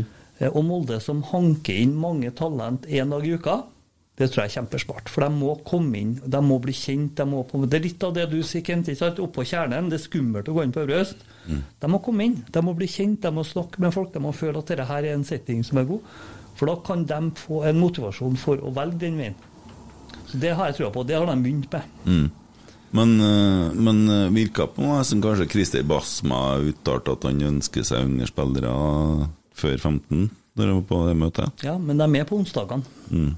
Eller onsdagene, vet jeg ikke. Ja, er det det vi så på. YouTube, det som en Siljan de trena noen veldig unge gutter? Ja. Det var faktisk ganske fin video. Det ble nesten litt sånn på gråten da jeg så den ene gutten slo seg på slutten der, og de så trøsta han. Jeg kjente meg igjen da jeg var liten og skrek og var lei meg. Det var Men du vet hva som skal til hvis du er ti år og spiller fotball og slår deg? Du skal få frispark. Ja, Og ja. du skal ta det sjøl. Ja. Da går det over med en gang. Å ja, sånn, ja. Fikk aldri frispark. jeg, vet. Eh, Fikk vi svart en Geir Arne der? Vikvang og bomma på alt. grens. Hvorfor skal vi inn to-tre år for å se han? Jeg, Det blir det samme som en ny hovedtrener, det. Må få litt tid. jeg syns ikke at en Vikvang skal få noe carte blanche. Men han ble henta inn fordi vi hadde egentlig fått et akademi som ikke var aktuelt for trønderske fotballtalenter. Den Vikvang har lykkes med, det at han har gjenoppretta relasjonen med alle trønderske klubbene. Sånn at standinga på Rosenborg og Rosenborg-akademiet, det er der vi ønsker at det skal være. Så når Hva du kalte han for noe? Geir Arne? Mm.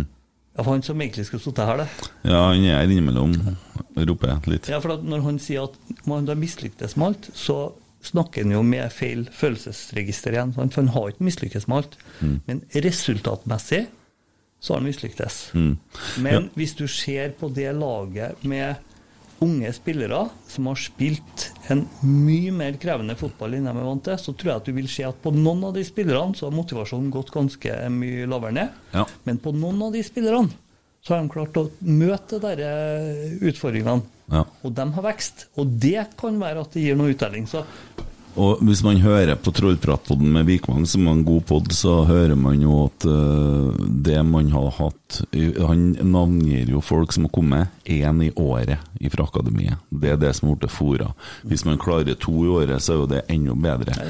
Og hvis at nå Broholm, eh, Hammerås eh, eller eh, ja, Tangvik blir jo, og, og Røsten, eh, og det er noen flere der òg som, som kommer opp på Rosenborg og begynner å spille kamper, så er klart at da har man jo lyktes. Jeg har aldri hørt Rosenborg 2 blitt målt så mye på resultat før som vi blir i år, og det er en sesong hvor det er kun to divisjoner, altså to eh, avdelinger i den divisjonen, divisjon. og den er knalltøff. Ja, og vi, sånn som nå på lørdag, så sender vi jo uh, gutter 16 ned til sant? Så det, det må jo bli galt. Men eh, ja, det er jo kjipt, det er jo det.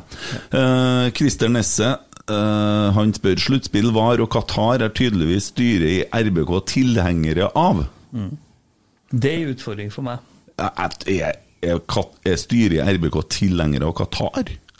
Styret i RBK er ikke så gira som årsmøtet og som eh, supporterne på å være tydelige på at vi ikke skal ha Qatar. De, eh, de er nok mer på NFF-linja, tror jeg. Mm. Og det er en utfordring. Det var jo derfor vi var spent på hvordan saken ble tatt på årsmøtet. Ja, den ble, ja på årsmøtet, ja. På ja. årsmøtet så ble det vedtatt Mm. at Rosenborg skulle stemme for boikott av Qatar. Ja. Eh, så, eh, men styret jo, gjør det jo motvillig. Altså, Ja. de, de er brenner ikke for en boikott av Qatar. Nei. Det kommer fra supportersida. Men de stemte for boikott. De stemte for boikott, tror jeg. Ja. Nå var det hemmelig valg, da. Men, eh, og jeg var jo på det ekstraordinære årsmøtet. Ja. Men eh, det var jo langt unna å få flertall.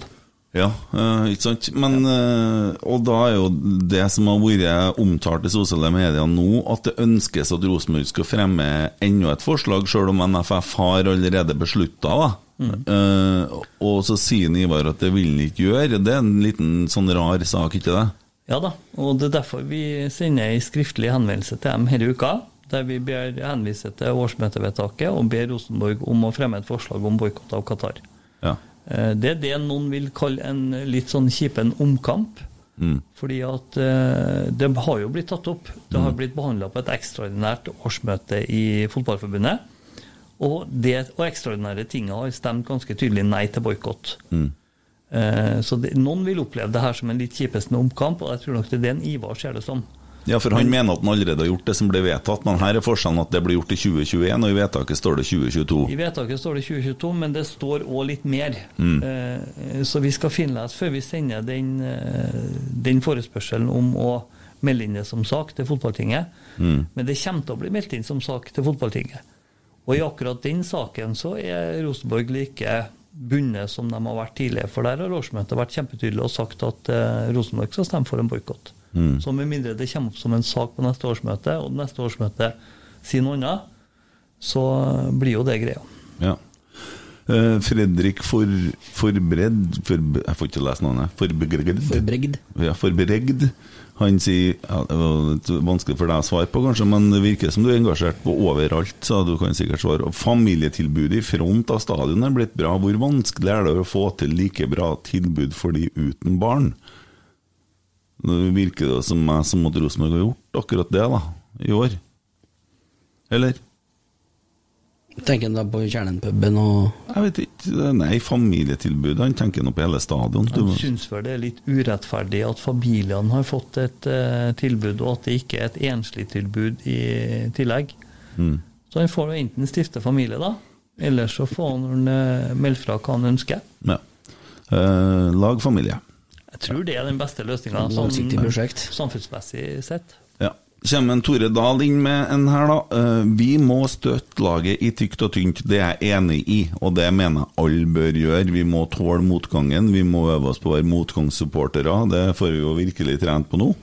Uh, spesielt etter Vikingskåra på den straffen. der. Eh, Gode tips på å komme seg fort opp av kjelleren igjen. Da er vi inne på den psykologien din, da.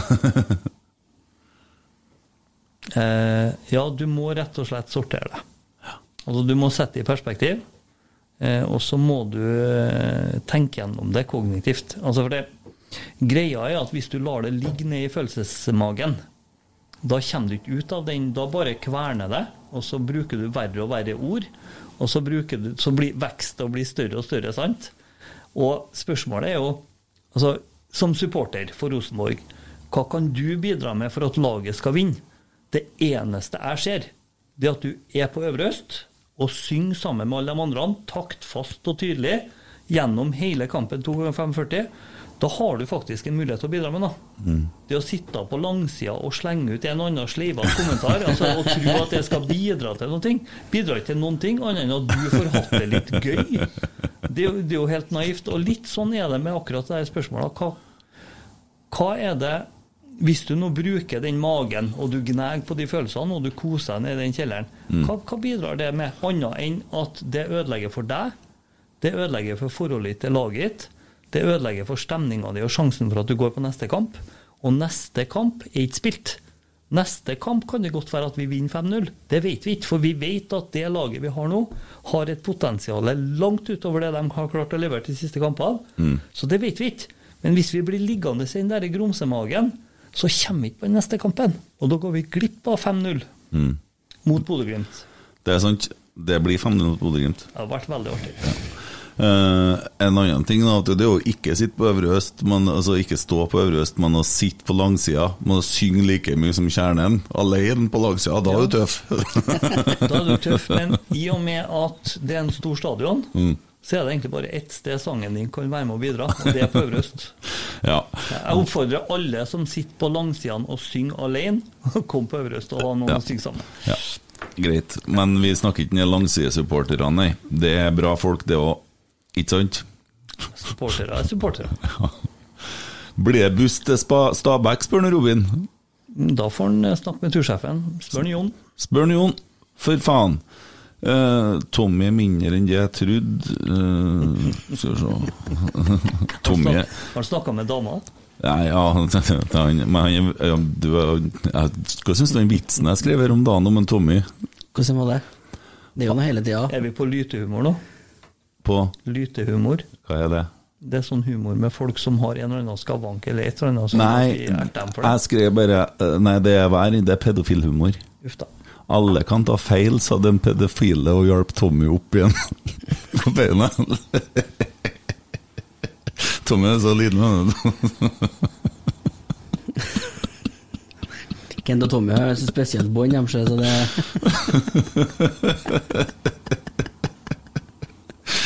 Ja eh, Skal vi se Jeg tror jeg må snakke med han derre Tommy. Ja. Ja. ja, det må du gjøre. Jeg må gjøre det. Mm. Hva skal du snakke med han om? Nei, det blir mellom meg og Tommy. Sjarmtroll, er det noen ting positivt NFF kan gjøre for å få publikum på stadion, og hva er ditt tips til å få Lerkendal-publikummet tilbake? Jeg tror litt av greia er å ikke prøve å oppfordre folk så altfor sterkt før laget begynner å spille eh, bedre fotball. Altså Det Mm. tror jeg er å tabbe seg ut. Det er litt sånn som vi har snakka om på styremøtene i Kjernen. Nå skal vi sitte litt stille i båten, og så skal vi vente til det blir noe verdt å se på, og så skal vi si til folk 'kom deg på kamp', for faen. Hva syns du om det Molde gjorde da, i uka? Dette brevet? Molde har jeg sterke følelser for når det gjelder å skrive brev og sånn. Altså, Rosenborg skulle jo til Dubai på Ja. treningsleir, for det hadde Stig Inge Bjørneby bestemt. Mm. For han syntes den motstanden vi fikk der, og kampforholdene der var så bra. Og så eh, fikk vi ikke høre noe om det. De hadde snakka om det i juli-august, og så fikk vi ikke høre noe om det før i november. Og så eh, sendte jeg en tekstmelding til en Ivar, Thea Tove og til en Stig Inge, og så skrev jeg at hvis dere reiser til Dubai, så kommer dette til å bli en skikkelig møkkasak for dere. Og da sjekka de rundt med de andre folkene, altså partnere, veteranlaug, Rosenborg-supportere, og alle sammen ga den samme beskjeden. Og da snudde de. Og en halvtime før de hadde pressekonferanse og sa fra om at de hadde snudd i Dubai-saken, så posta Molde ei pressemelding der de ga full støtte til Rosenborg for at de valgte å dra til Dubai.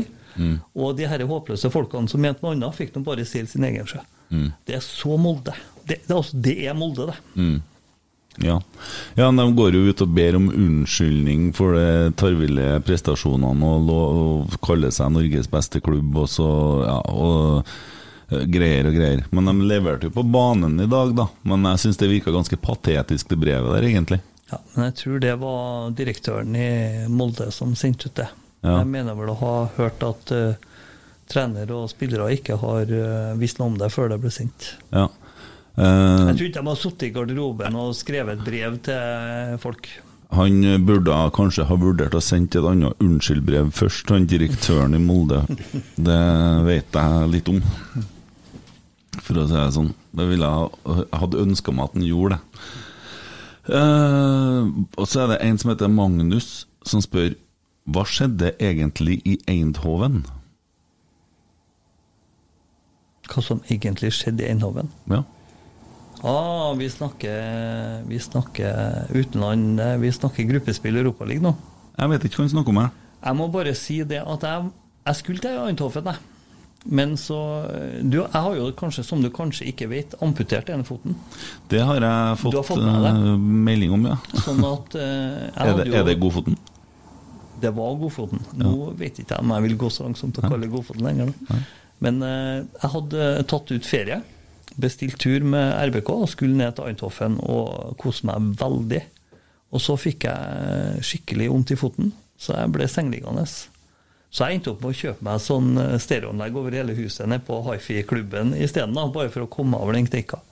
Så jeg fikk ikke vært med til Eindhoven, så da må du spørre noen andre. Spør en Ja. Jeg har ikke peiling på hva som skjedde i Eindhoven, bortsett fra at jeg vet folk hadde en vanvittig fin tur. ja. Hva som skjedde med den foten, da? Hva var det som foregikk der? Nei, jeg fikk Jeg Du sier at du kjøper en nyhetskose. Jeg sier at jeg er nede på St. Olav og får meg en ny fot. Ja. Og når jeg får ny fot, så er det alltid en passe. Og når den ikke passer, så blir det gnag et eller annet sted. Så jeg hadde en kul på størrelse med en halv tennisball Ja. på innsida av foten. Og da er det litt vanskelig å ta den på. ja. Så jeg måtte bare ligge der til hevelsa gikk ned. Når du amputerte foten, det er lenge siden det? 2014. Ja. Hvorfor skjedde det? Motorsykkelulykke. Og sier du det? Ja. Harley, eller? Nei. Nettopp. Eh, V-strom 650. Du skulle ha kjørt Harley, vet du. Ja, du mener det har gått bedre, da? Mye mer. Ja, vi kjører rolig, vi. Jeg tror det egentlig har gått veldig ille, da, for da hadde jeg nok ikke hatt den aksen. Så jeg var nesten forbi bussen skjønner når den svingte på tvers over veien og la meg i bakken. Oh, ja. Så hadde jeg hatt 1000 kubikker, så hadde jeg sannsynligvis vært forbi. ja. Sånn, ja. Hadde jeg hatt Harley, så hadde jeg vært enda kortere, så det hadde gått, sannsynligvis gått rett i bussida. Ta alle tallene, vet du. Vi kjører ikke, vi kjører ikke forbi busser og sånn. vi. Det cruiser bare, vi. Jeg hører du si det. Ja. Ja. Er bare et sånn kontrollspørsmål på dette. Når Ja. du kjører bil, Mm. hvor mange motorsyklister kjører du forbi? Eh, det hender seg jeg gjør det. Harley-folk Harley-folk kjører jeg forbi en del, da. Veldig få. Veldig få. Det er det ærlige svaret. Det, det er en grunn til det. ja, men det er en grunn til at Harley er halve forsikringa av andre motorsykler, ikke det? Ja, det er sant. Ja. Eh, Dahlberg tror han RBK tar femte- eller sjetteplassen i år. Holder de seg i, i Eliteserien neste år? Her har vi egentlig fått svar på. Nei, jeg håper jo fortsatt på tredjeplassen, jeg. For jeg tenker jo at eh, altså, hvis du ser på det og bruker Drillo-språket og regner i prosent, så har vi ikke Jeg vet at den der regnesentralen har jo regna på hva er sjansen for gull. Det er vel ned på 0,75% eller noe sånt. Eh, sjansen for tredjeplass er jo veldig lavt, men eh, i og med at vi har et potensial i laget de ikke får ut, og i og med at Viking nå har stang inn denne kampen. Jeg ser ingenting som skal si det at det ikke går an. Og hvis det går an, så er det jo det vi må prøve å gå for. Mm. Så vi kan sitte og sutre og si vi har tapt før vi har spilt ferdig. Det er litt som i kamp. Altså når Vi må synge og støtte laget helt til de er ferdig. Mm. Men vi kan pipe litt hvis vi er dritmisfornøyd med dem over tid. Mm. Men vi må vente etterpå. Vi kan ikke ødelegge kampen med å ødelegge kampen. Vi må jo prøve å støtte dem. Så kan vi heller pipe litt etterpå, sånn at de vet hva vi mener. For det, de trenger òg ærlighet. Mm. Og litt sånn er det her òg. Vi skal ikke gi opp. Men sjansen er mye mindre, så vi kan ikke late som det er noe walk in the park, for det er ikke det. Nei. Nei, det ble jo litt langt fram til Viking i dag. Det var jævlig synd. altså Det har vært mye som har gått imot oss, og det gjorde det dessverre i dag òg, når at Mjøndalen får eh, bomme på straffe og Viking skårer på straffe på overtid. Det er litt sånn, det er litt bilde på sesongen vår, det òg. Siste spørsmålet fra Martin Askor. Blir det nye sanger til 2022-sesongen? Håper det. Ja, Det er ikke du som styrer det, kanskje ikke? Nei, vet du, vi har satt bort det der. Eh, så vi har egentlig en gjeng eh, i Tifon som driver og styrer med dette her, men eh, det er jo egentlig fritt frem til folk å være med og bidra. Altså, når, når du liksom sier hva skal til for å være med i kjernen altså, Du må bare melde deg inn, og så må du bare være med på Øvre Øst, og så må du lære deg sangene og bli en del av kulturen. Så er du du trenger ikke å være en del av eh, FN-kulturen eller UN-kulturen. Altså UN er den gamleste gruppa i kjernen som har er de gamlisene som liksom har hengt sammen på tribunen siden 90-tallet. FN er litt yngre folk, men de vil gjerne være de hardcore-folkene. Eh, og de står nærmest plattformen der eh, forsangeren står. Men så har du jo masse folk rundt der òg. Altså, sånn som jeg sier, jeg, jeg og Ola gikk jo på ungdomsskolen sammen. Han står jeg sammen med på hver kamp. Vi møttes på Roar Strand Memorial nede på Solsiden. Eh, og vi, når vi sto arm i arm og sang 'Vil du være med meg hjem i natt' til en Dag Ingebrigtsen som var på scenen og avslutta hele greia, så fant vi ut vi skulle begynne å gå på Lerkendal sammen igjen. Mm. Så, så det er liksom 48 forskjellige fraksjoner, men det som på en måte kjennetegner du, du, må på en måte være med å bidra, du må være med å synge. For at det eneste som kan hjelpe Rosenborg å vinne fotballkamper, er faktisk at du er på det stedet der flest mulig som synger, samles, og, for da blir krafta ganske stor. Mm. Og det spillerne som kommer til Rosenborg har sagt de siste årene, det er jo det at det å ha kjernen i ryggen betyr noe. Men det betyr ikke noe hvis du er utrygg på spillestil, eller utrygg på altså Det betyr ikke noe hvis du er utrygg på en annen måte, men hvis du først begynner å nærme deg flyten, så er det den ekstra lille piffen som gjør at du får til det, f.eks. det å ta en Viking og få tredjeplass. Mm.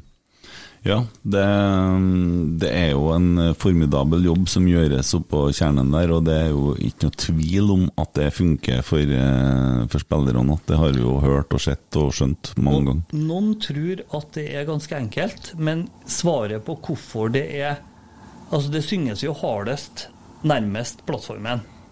Og så blir det svakere og svakere jo lenger du kommer utover litt, Mm. eh, med noen hederlige unntak.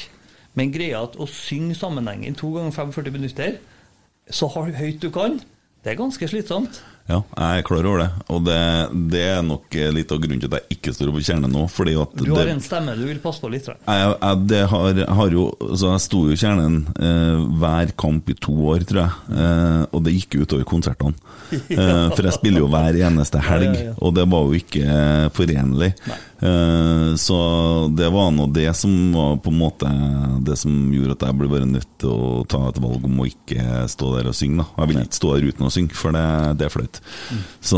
men eh, jeg er medlem, og jeg støtter Kjernen, og jeg har grasrotandelen til Kjernen og engasjerer meg og er glad i Kjernen. Jeg liker, liker folkene, og jeg liker kulturen. Så, og det, det er jo plass for absolutt alle oppå der. Som sagt så er det like mye folk i kjern, forskjellige folk i Kjernen som det er ellers på stadion.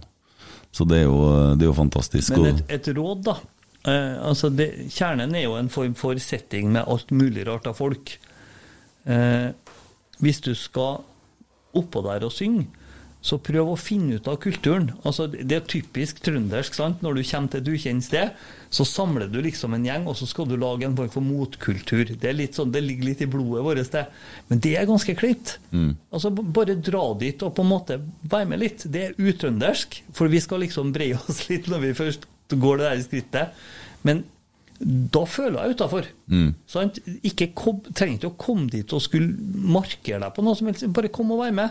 For at det eneste vi egentlig gjør på Øvre Øst, er at vi synger for at laget vårt skal vinne kampen. Ja, Men det- kan kjernen være mer inkluderende på den måten? da? Ja, vi må- også vi må det. Må ta en selvransakelse på å på en måte være mer imøtekommende på nye folk? Kan man gjøre noe for nye folk i inngangen, eller et eller annet sånt som gjør det enklere?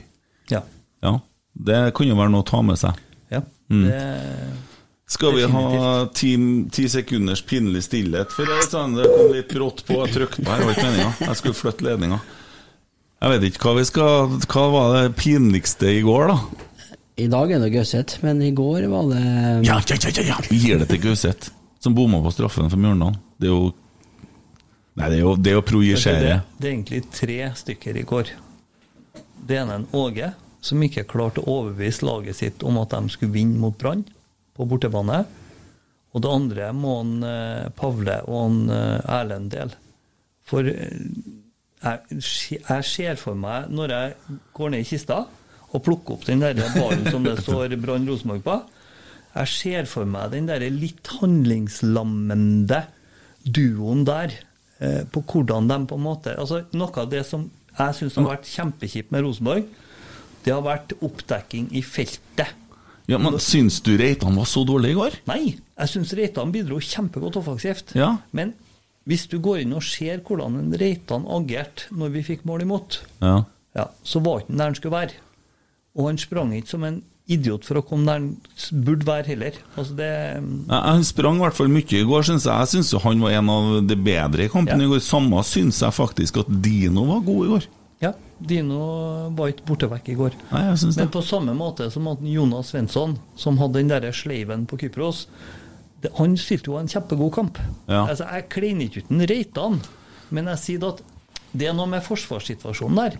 Der hvor de blir litt handlingslamma, og det er veldig dumt. Mm. For det, I forsvar bør ikke bli så veldig handlingslamma. Nei, og så er det, er det disponeringa. Altså hvis jeg har en Anders Konradsen på benken, vi har en Besin på benken, og Holmar har jeg vært så mye forbanna på, så han kan ikke jeg si så mye om. For han syns jeg har vært svak i år. Det er sånn at når han sier at han vil til Island neste år, så syns jeg det er greit.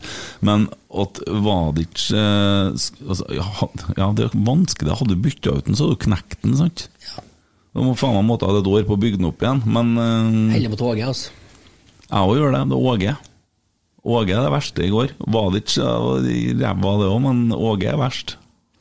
Jo, men hvis du skal Hvis du skal reise kjerringa, Mm. og det må man, sant? Når man får seg en smekk, så må man reise kjerringa.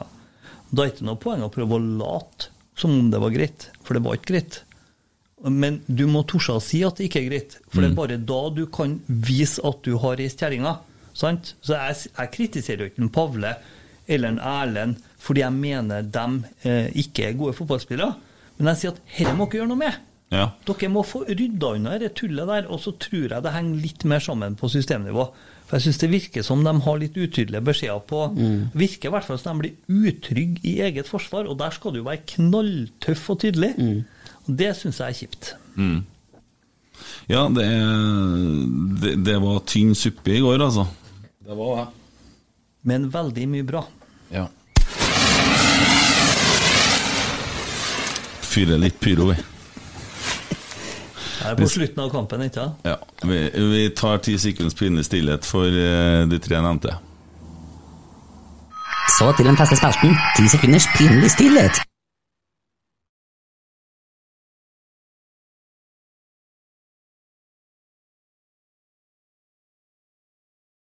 Klassepod, ja! Ja da! Mm. Nei, men det er da greit, det. Har du noe mer trollehjørne å ta med, eller? Har du noe, har, har ikke noe flere? Så skal spare stemmen, skal spille helga? Skal spille helga. Ja.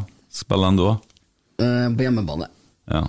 Det er landslagspause nå, ikke sant? ja, du får bare gnu deg i sofaen. Det er jo litt artig, da! At vi har et landslag i går an å være litt stolt over. Som prøver å kvalifisere deg til Qatar, mener du? Nei, Jeg snakker ikke om Qatar, jeg snakker om noe selve fotballopplevelsen. Ja, ja, ja. Altså At vi har et landslag som har lyst til å vinne fotballkamper igjen, og det vises, det er jo superfint. Ja. Men jeg ser ikke på ME. Du gjør ikke det? Nei, jeg boikotter. Begynte å boikotte nå, du? Nei, jeg begynte å boikotte når vi bestemte oss for boikott. Altså, litt av det jeg syns blir vanskelig, det er det at hvis du liksom samler alle fotballsupporterne i ei gryte, så har du dem som egentlig skiter i det meste, bare de får se fotball. ja, men det, det, sånn er det jo. Så lenge det er penger til tippefrister, kan gjerne Karl Johan bli ja. Det- For det er uinteressant hva som skjer, så har interessen i verden bare jeg får se Mm. fotball. Mm. Jeg har retten på å se god fotball, og jeg skal se det. Mm. Og så har du dem som bryr seg mer om andre ting som påvirker. Og jeg tenker, det, det, der tror jeg vi er delt. Mm. Eh, og jeg syns det er vanskelig, for jeg har lyst til å se landslaget. Men jeg prøver, og ser om jeg klarer. Mm. Fordi jeg tenker at hvis du først mener at du skal boikotte Qatar, så må det jo bety noe. For hvis du, bare, hvis du bare sier noe uten at det har noe betydning, så er det jo egentlig litt meningsløst. ja, men da boikotter du jo landslaget, da.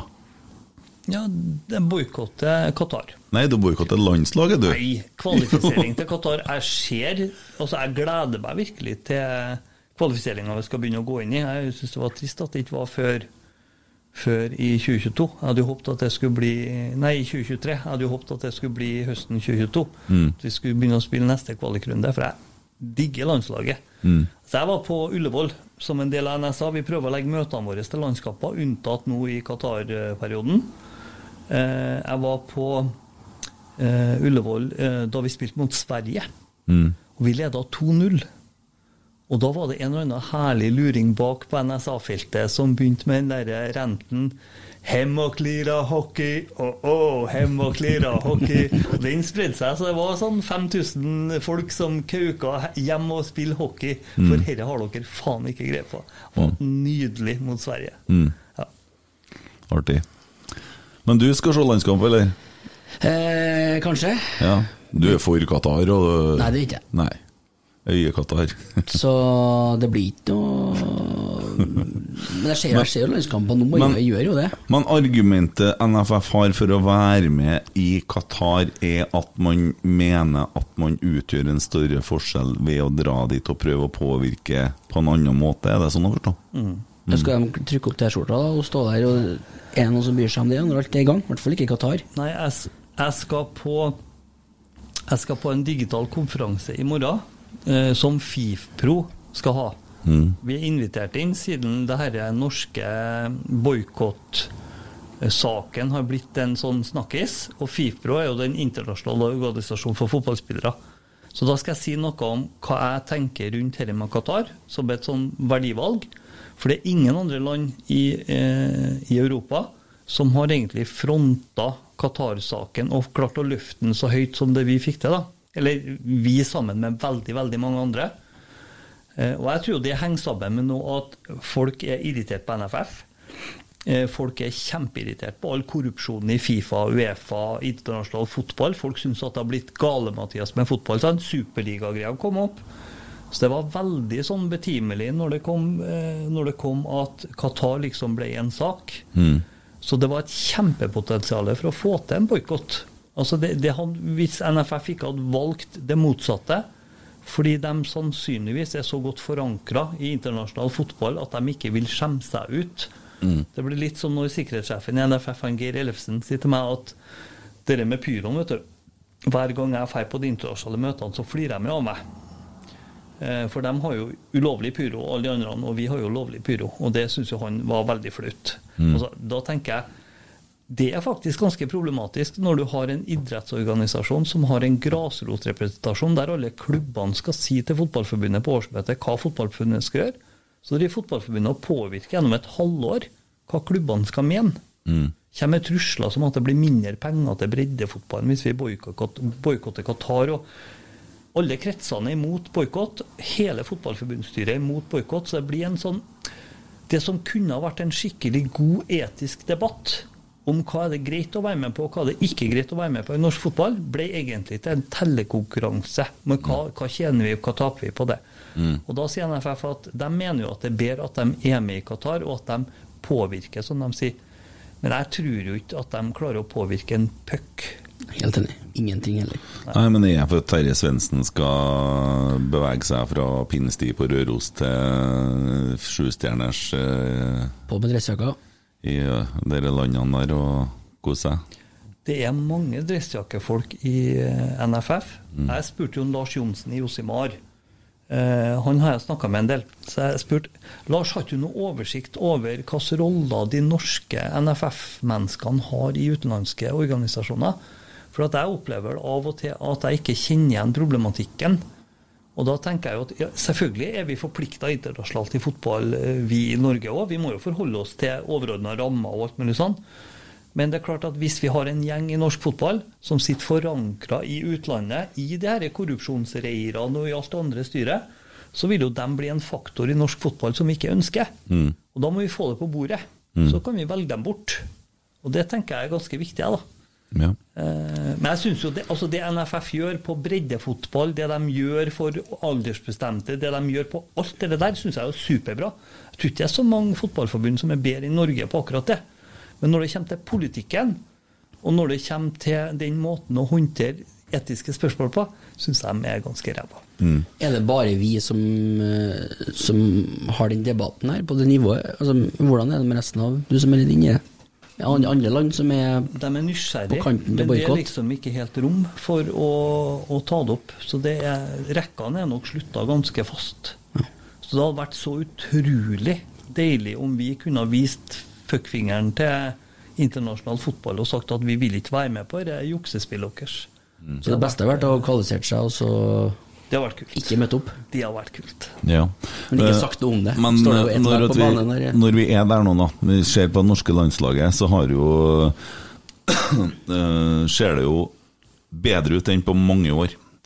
Og når vi ser da eh, nordlendingene reise ut i Europa og gjøre det de gjør, så ser jo det òg ganske bra ut. Må vi jo si at Molde har gjort det bra i Europa. Eh, Rosenborg under Horneland eh, så jo når vi fikk målt oss mot eh, de lagene der. Vi var jo Så den nedsnakkinga av norsk fotball, det kan vi jo etter hvert bare slutte med, for vi er ikke så dårlige som folk tror, tror jeg. Nei, og jeg tror jo at den nedsnakkinga er med å ødelegge for norsk fotball Vel, da. Ja, den er det. Altså, vi, vi har en del sånne forstå-seg-på-ere innenfor fotballen. Vi snakker om det kommentariatet i Norge, sant. Det er dem som liksom sier hvilke ord det er lov å si og ikke lov å si. og De har jo sterke meninger om alt, og så tror vi at alle bor i Oslo. og alt mulig. Altså, Vi har akkurat det samme kommentariatet innenfor fotball. Og de får en eller annen fiks i det. Den kan komme fra Joakim Jønsson, som er en utrolig artig fyr å høre på. Men han sier veldig mye kjipe ting. Altså han, han, heng, altså han er med å påvirke på en altså Han er litt som en- Han er litt klikkhorete. Mm. Han er jo ansatt for å si mye rart. Ja, han jo For å få oppmerksomhet. Ja, og det gjør de jo nå. Har de jo ansatt en Gauseth, ikke sant? Og det er jo av samme årsak. Han er klikkhore, han òg. Han vet akkurat hva han skal si, og han vet akkurat hvordan han skal provosere. Men de er jo flinke i den jobben. Men problemet er jo når de snakker ned produktet. Ja, og de gjør det nok som en underholdningsbit. Sant? Og det, blir jo jeg òg litt provosert av. Altså jeg, jeg kan heller tenke meg å høre Drillo Olsen, sjøl om han er dritkjedelig å høre på. Men han kan fotball. Han Mm. vet hva snakker om. Gauseth lager show av det. Jeg, jeg skjønner at ungdom vil ha show, men jeg tror ikke at måten å få folk til å bli glad i fotball på, er å servere Christian Gauseth i alle kanaler. Altså Han er sikkert en fin fyr han på mange måter, men det blir for mye entertainment. altså Det blir sånn Hulske light-greie. Ja. Det, det er ikke ålreit. Det er jo noe sånn som har skjedd de siste årene, og ser jeg jo sånn som artist òg, da. eh, Så er det sånn at programlederen er mer populær enn artisten, hvis du skjønner. Ja. Og da er det noe som blir feil. Ja. For, og det, det holder på å skje i fotball òg, for de bygger personligheter i studioene Mm. som skal på en måte overgå eh, I Rosenborg nå så mangler vi jo personligheter. Mm. Vi gjør jo det. Vi leter jo vi- hvem er vi skal fronte og prøve Ja, Noah snakk bergensk, da. Sånn? Så, så, eh, vi, vi, vi trenger jo personligheter, vi trenger figurer. Vi trenger å bygge actionfigurer på Lerkendal. Vi, tre- og, og det trenger vi ellers òg på banene, ikke i studioene. Nei. Det er et veldig godt poeng. Ja. Bygg mer actionfigurer, la folk prate, by opp til dans. Ja, for Det de egentlig gjør, de her kjeltringene som jeg velger å kalle dem, for at de vet nok inderlig godt hvem de gjør, det er at de snakker ned fotballen for å snakke opp seg sjøl. Ja, de gjør jo det. De jukser til seg billige poeng Mm. på vegne av fotballen, og det blir feil for Mm. meg. Det har jo beveget seg fra det ekstreme med Arne Skeie og Theo Gleditsch, som uh, framsnakka kun den positive opplevelsen, og som når det ble skåra et mål, så var det til og med sagt ja, vi driter i det, se på prestasjonen, da, sant? og så se på den fantastiske skåringa.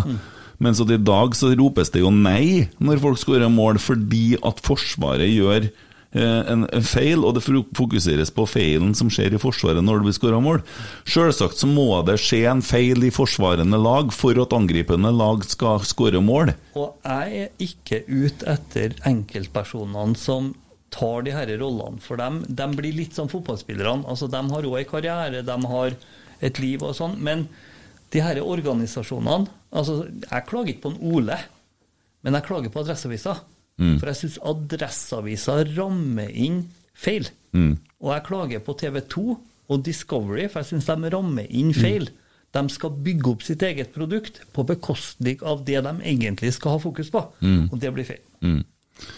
Dæven har mye å skrive, kan Ole Sagvågen kalle ingressen til saken her, til, til, til episoden her. Jeg skal name-droppe alle. Tagges. Her skal de tagges. Nå ble de plukka. Men uh, vi har da fått unna det vi skulle, tror jeg. Uh, gikk da fort, dette. vi har kommet faktisk eh, snart ferdig med førsteomgangen mellom Lillestrøm og Vålerenga. Det er 0-0. og tenker på det koket og den oppmerksomheten som er rundt det der. Det er bra for norsk fotball. Og røyken henger over banen. Ja. Eh, jeg måtte ha strekt opp NRK og flere andre for å bruke ordet hatkamper. Fordi at vi bruker jo, I kjernen så har vi jo et uttrykk om Molde som involverer hat. Ja. Jeg, jeg må jo innrømme, jeg er jo en skolemann og en familiefar som aldri synger det, men jeg forsvarer de andre sin rett til å gjøre det, for det er innafor ei supportersone.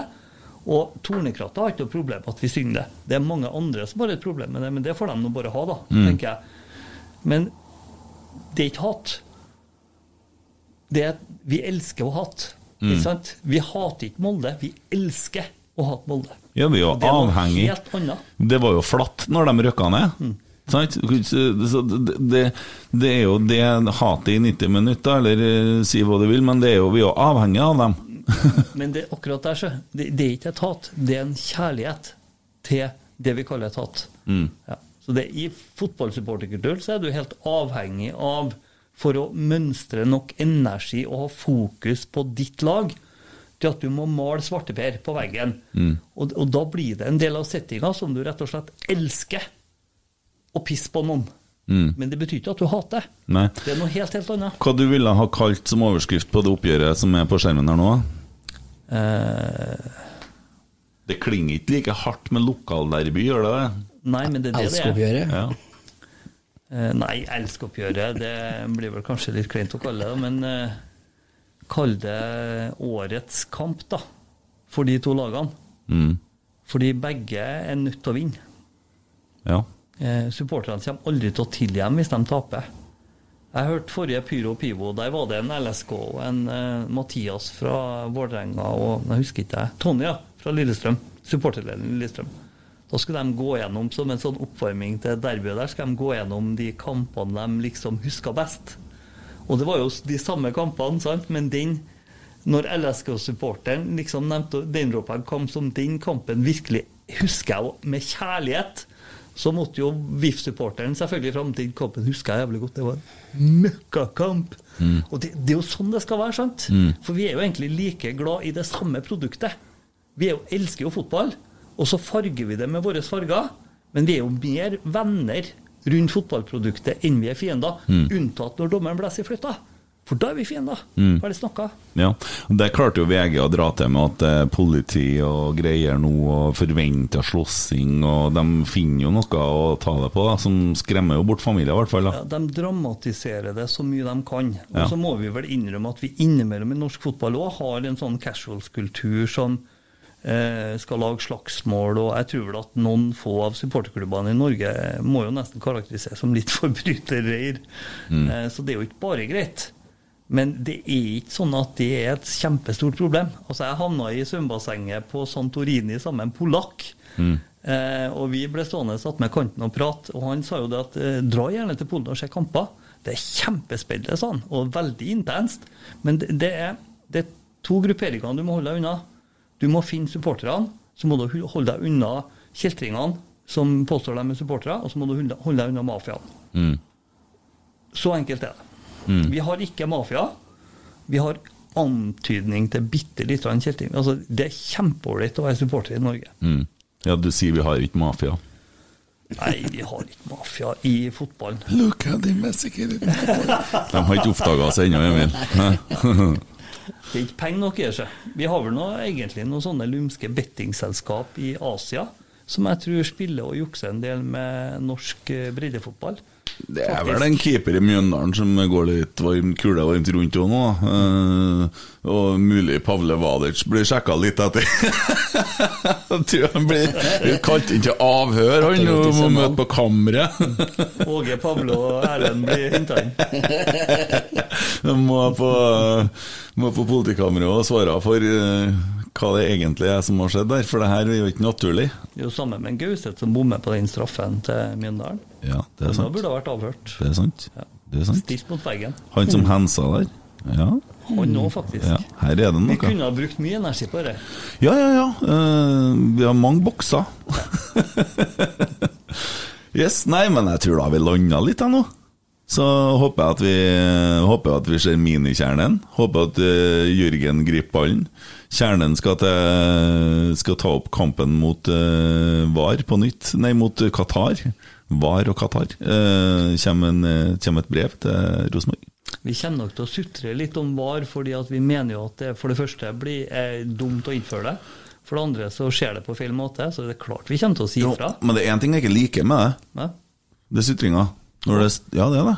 Når at eh, kjernen skriver 'VAR dreper fotballen', og så er det noen som leser det her, så følger jeg med med å skrive at hvis at det kommer VAR til Norge, så skal jeg slutte å se fotball.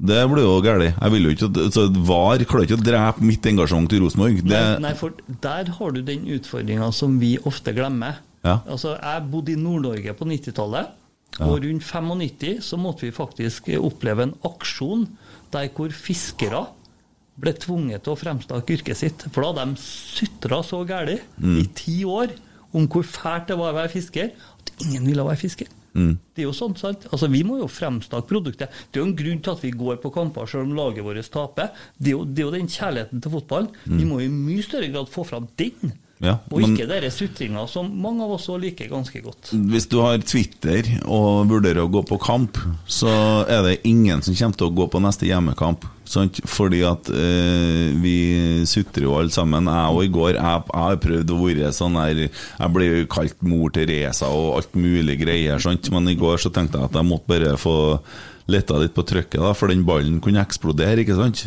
Men, eh, men eh, så er det jo sånn at man snakker det av seg og sånn. Og et annet tips da, som jeg bruker å gjøre på skikkelig tunge dager Jeg har YouTube, vet du.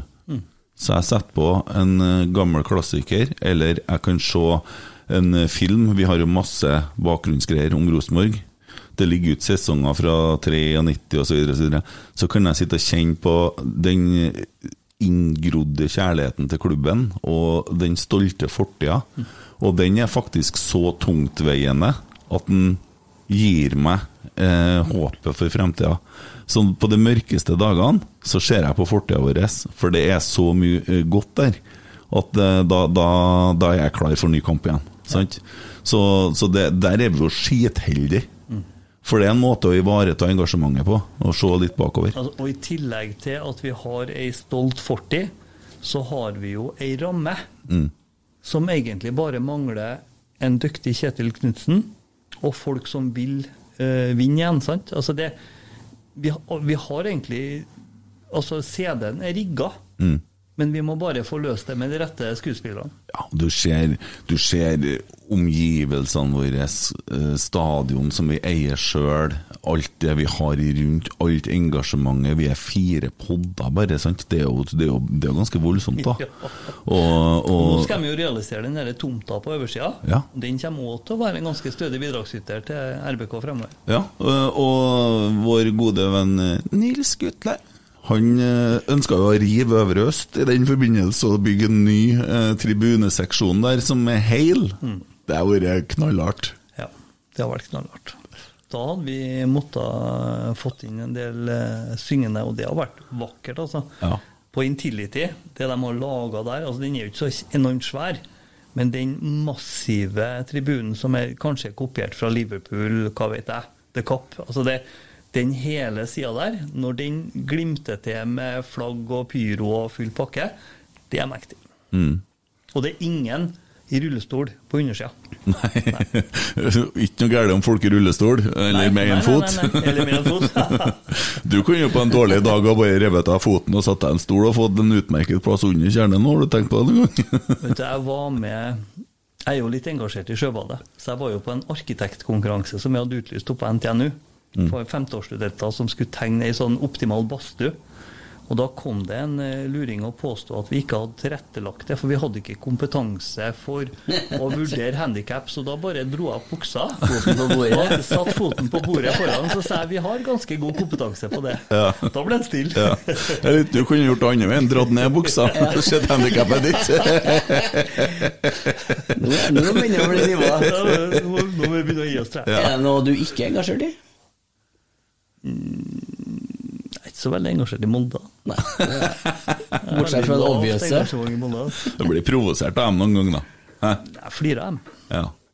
Altså, de er ikke, for meg er ikke de viktige nok til at de klarer å provosere meg, egentlig. Nei. Så jeg blir mer sånn på flirenivå. Og liksom, det er det som å ha en litt sånn tullet, et litt tullete søskenbarn. Mm. Det har jeg han. het den. er en bror i Sandefjord. Ja. Yes. Nei, men uh, vi kom i mål nå. God bedring, da. Hei da. Hei da. Oi, oi, oi, oi, oi!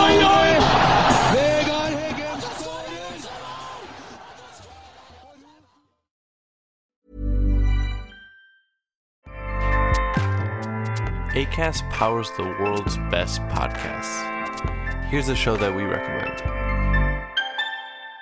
The Real Housewives is a guilty pleasure for most, but if you're looking to not feel guilty about that pleasure, tune in to Everything Iconic with me, Danny Pellegrino, where I break down all the messy moments and behind the scenes antics of Bravo's popular franchise. And on Everything Iconic, I also interview celebrity guests like Kelly Ripa, Kiki Palmer, Drew Barrymore, Cameron Diaz, and more about their guilty pleasures, their past work, and so much more. So if you're pop culture obsessed and find yourself watching way too much reality TV like me, tune in to Everything Iconic with Danny Pellegrino wherever you listen to podcasts.